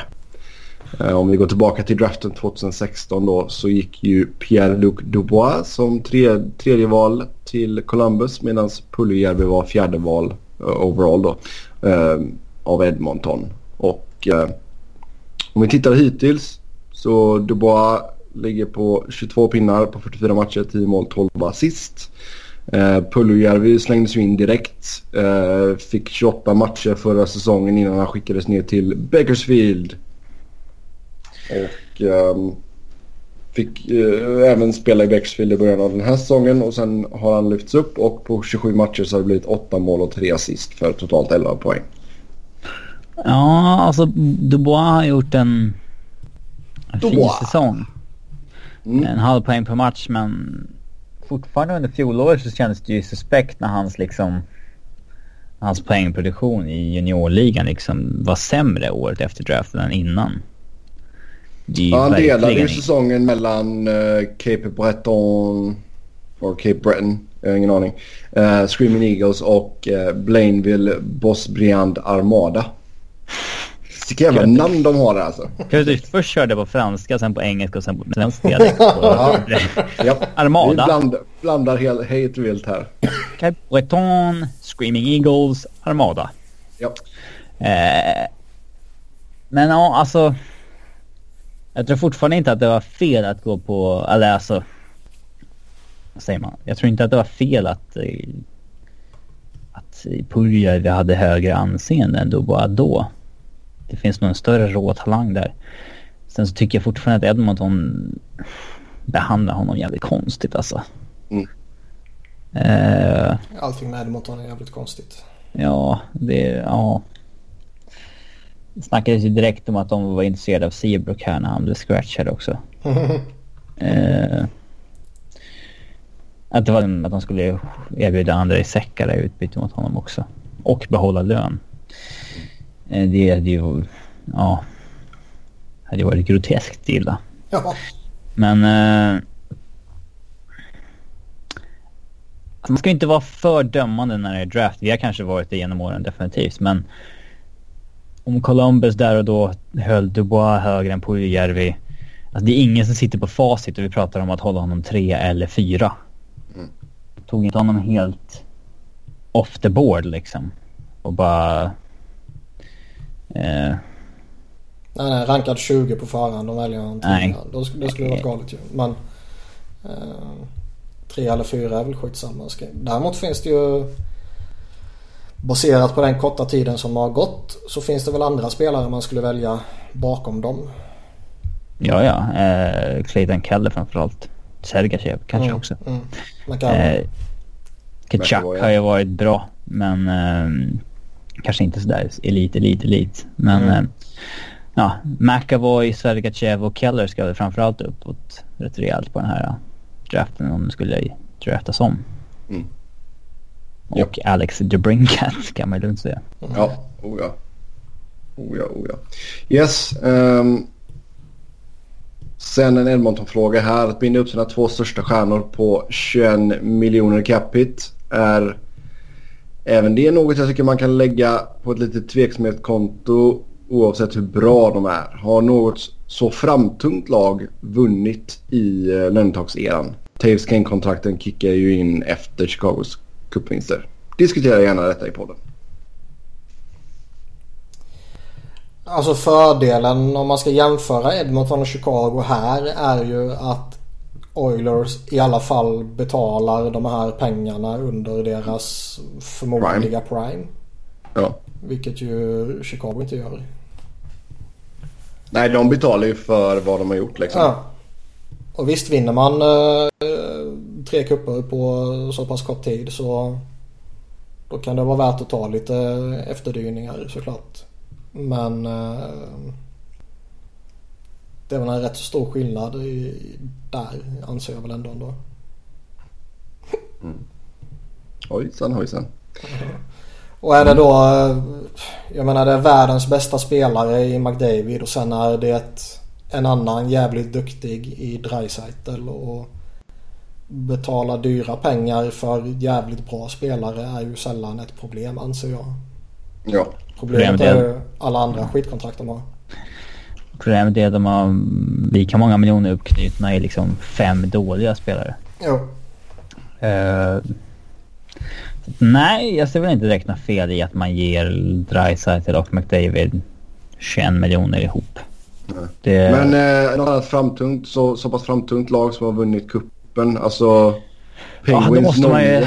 då måste man ju räkna på vad lönetaget låg på då och hur stort Ja. liksom Crosbys 8,7 var procentuellt mot lönetaket kontra idag. Och det var ju liksom högre än vad McDavids nuvarande är då, Ja. för mig. Men det, är, det är väl den enda jag kan komma på så här på rak arm.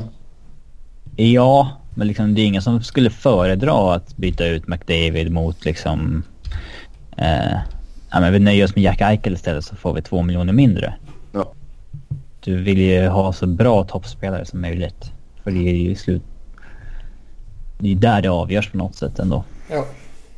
Ja, och sen liksom ha fingertoppkänslan att omge dem med, med rätt komplementspelare liksom. Vilket Chiarelli inte kanske har. Nej.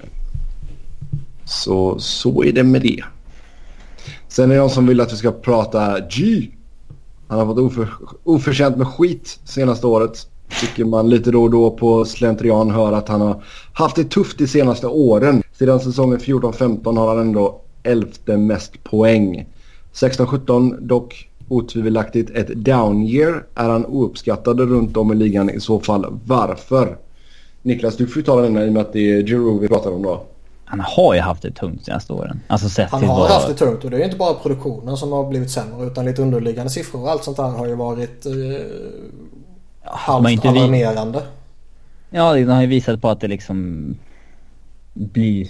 Alltså 5 mot 5 produktionen har gått ner framför allt och sådär. Det, ju, det vill man ju inte se. Liksom. Nej nej, Eh. alltså han, han har ju inför den här säsongen och liksom fortsätter han i det här tempot så kommer han ju slå sitt personliga rekord från 11-12 med 93 poäng. Mm. Eh, och, och liksom de två föregående säsongerna, i synnerhet förra säsongen, var ju oroande. Det är, inte Ja. bara, det är inte bara det att själva produktionen i sig har gått ner. Både den totala och 5 mot 5 utan det har ju även varit lite orosmoln över andra underliggande siffror där det inte riktigt har gått lika bra som tidigare och man har kunnat se ett, ett mönster i att det börjat dippa av. Så att han nu har kommit tillbaka på ett sånt här mäktigt sätt är ju eh, inte bara glädjande utan också jävligt viktigt. Sen så är väl han... eh, Är han ouppskattad då? Det är väl inte i Philly, eller? inte i Philly men jag tror han är det lite utanför. Ja. Men alltså han har ju inte varit en av ligans bästa spelare de senaste två, tre åren. Nej, Så att då, då blir man ju inte det. Nej. Det var ju snarare, han var ju snarare överskattad 11-12 när folk snackade som att det var... Att det är dags för Crosby att skicka facklan vidare liksom. Mm. Och det, det var ju liksom premature. Eh, så att, ja, jag skulle inte säga att han inte har varit uppskattad. Snarare tvärtom att det är så lite så här slentrianmässigt har folk slängt in honom som en topp 10 center i ligan när det varit så här. Men vänta nu, har han verkligen varit det de senaste två åren? Att jag håller väl inte med frågeställaren Johan Geithner om det. Nej, det är inte Johan. Men eh, det är klart han har fått skit liksom. Och eh, en del har väl givetvis varit lite oförtjänt. Eh, som man alltid får när man är spelare i Philadelphia och folk fortfarande har den här slentrianmässiga bilden av att Philadelphia är som på 70-talet. Men eh, Alltså de senaste, som vi sa, de senaste två åren har ju varit direkt usla. Mm. Med hans mått mätt. Yes. Ja, sen vad ska Chicago göra med Seabrooks kontrakt? Kan man trada det eller är det kört? Alltså så länge vi har folk som Peter Chiarelli i, i ligan så kan man nog trada honom. Dock tror jag inte att Hawks liksom... Ett trade direkt nu. Jag tror Nej men jag menar får de, får de några förslag så bör man ju hugga. Ja. Alltså vill man showcase honom inför en trade så är det inte det bästa man kan göra healthy scratcha honom. Eller, eller så kan man vrida på det också och säga att, eh, att healthy scratcha honom är att skicka en signal till övriga lag. Att, Mm, eh, ja, på Come, ett come ja. men... Eh, att liksom Kummerbill kom ut och säga att han inte varit tillräckligt bra och så vidare. Det är inte... Jag, jag skulle inte gjort så om jag ville sälja honom i alla fall. Nej, Men, men, eh, vi vet också att eh, kommunikationen och relationen mellan GMs och coacher inte alltid är den bästa och inte, alltså deras båda intressen sammanfläts inte alltid. Nej, så kan det vara. Men uh, om det skulle finnas intresse för Brent Seabrook, ja, definitivt. Men det skulle förmodligen bli en så här enough trade som han gick till Ottawa. Att det liksom är många parter inblandade. Det be eventuellt behålls lön och det är liksom Chicago tar något dåligt kontrakt tillbaka med kanske någon kortare dåligt kontrakt men får i gengäld någon bra spelare. Alltså så här, någon större mm. meckepär. Liksom. Ja. Ja, det skulle skapa rubriker i alla fall. Det är en sak som är jävligt säkert. Uh, hur många mål har Ovechkin gjort när han lägger av NHL? Oh. Just nu så har han 585. 585. 597. 597. så, så här, han är... Kluriga är det huruvida han blir kvar i NHL efter 2021. Det... Men känns han verkligen som någon som drar hem till KHL? Vet inte. Han hade kanske gjort... Ja, alltså... Jag vet inte. Jag hade inte trott det om Kovacak heller. Han kändes ju ganska USA-kär. Mm. Nu vill, vill han visserligen tillbaks men... uh, han har kontrakt tre och ett halvt år till. Så vi utgår från att han spelar fem och ett halvt år till. I år plussar på 20 mål till. Och sen så fem säsonger där han snittar 25 mål då. Så 125 plus så 145 mål till.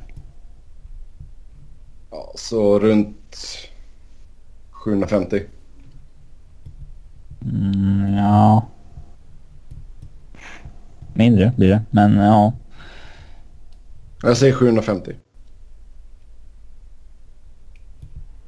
Ja, det tror jag väl inte orimligt. Han känns... Eh...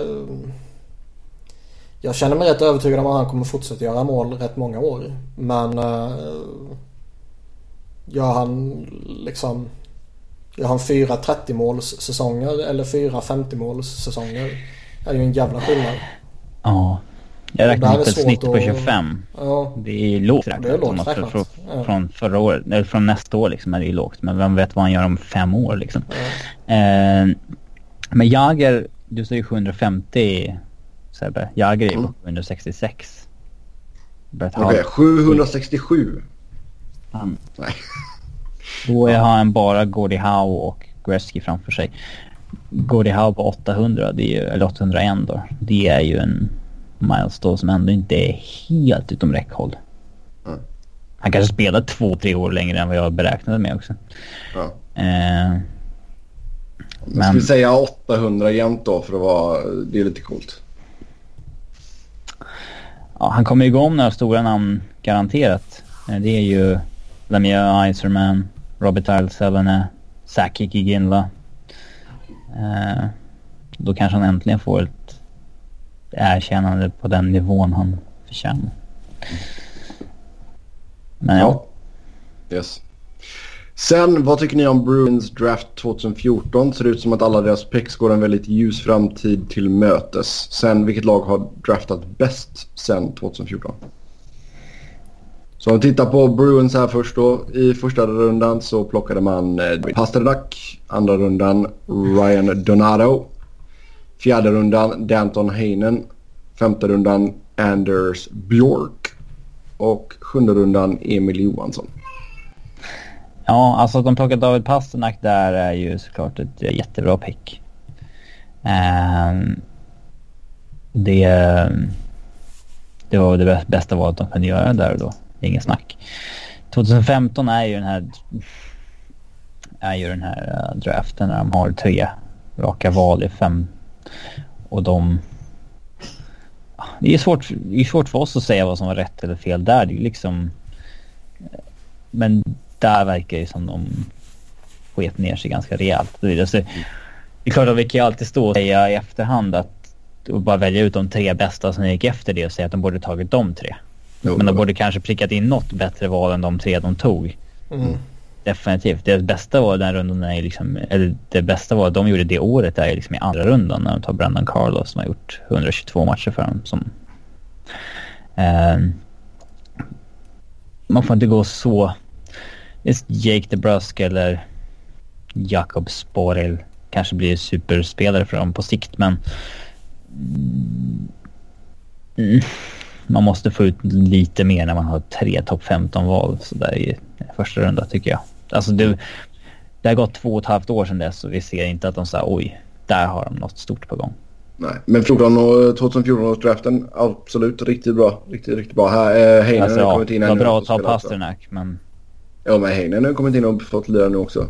Um, Ja, alltså. Ja, mm, pricka en jackpot i fjärde rundan visst. Det är ju Mm. bra. Men... Eh, men vilket lag har draftat bäst sedan 2014? jo, oerhört svårt att säga. I och med att de senaste två åren har vi inte dugg facit på. Nej. Eh,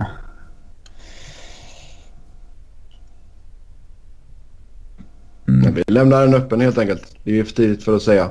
Nej, ni vet ju Eh, svaret. Vil- vilket lag har det bästa prospectspoolen enligt typ alla?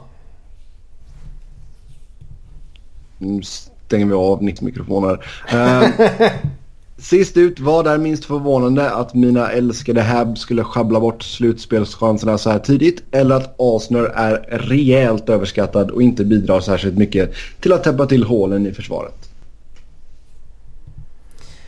Alltså att Karl Alsner inte skulle... Vad ska man säga? Eh, Fixa Canadiens försvar. nej, men liksom att han inte skulle gå in och vara bäst i ligan så att säga. Det, det visste väl alla. Jo, men fortfarande överskattad. Ja, det är han ju. Och framförallt eh, baserat på kontraktet han fick och så vidare. Men, men liksom att han inte gör succé är ju inte förvånande. Att Canadiens däremot ligger där de ligger tycker jag är högst anmärkningsvärt. Så då är alltså Arsenal minst förvånande. Ja. Yes. Med det så säger vi tack och hej för den här gången. Som vanligt kan ni köta hockey med oss via Twitter. Mig hittar ni på @sebnoren, Niklas på ett Niklas Wiberg, Niklas med C och enkel V och Robin hittar ni på R underscore Fredriksson. Tills nästa gång, ha det gött. Hej!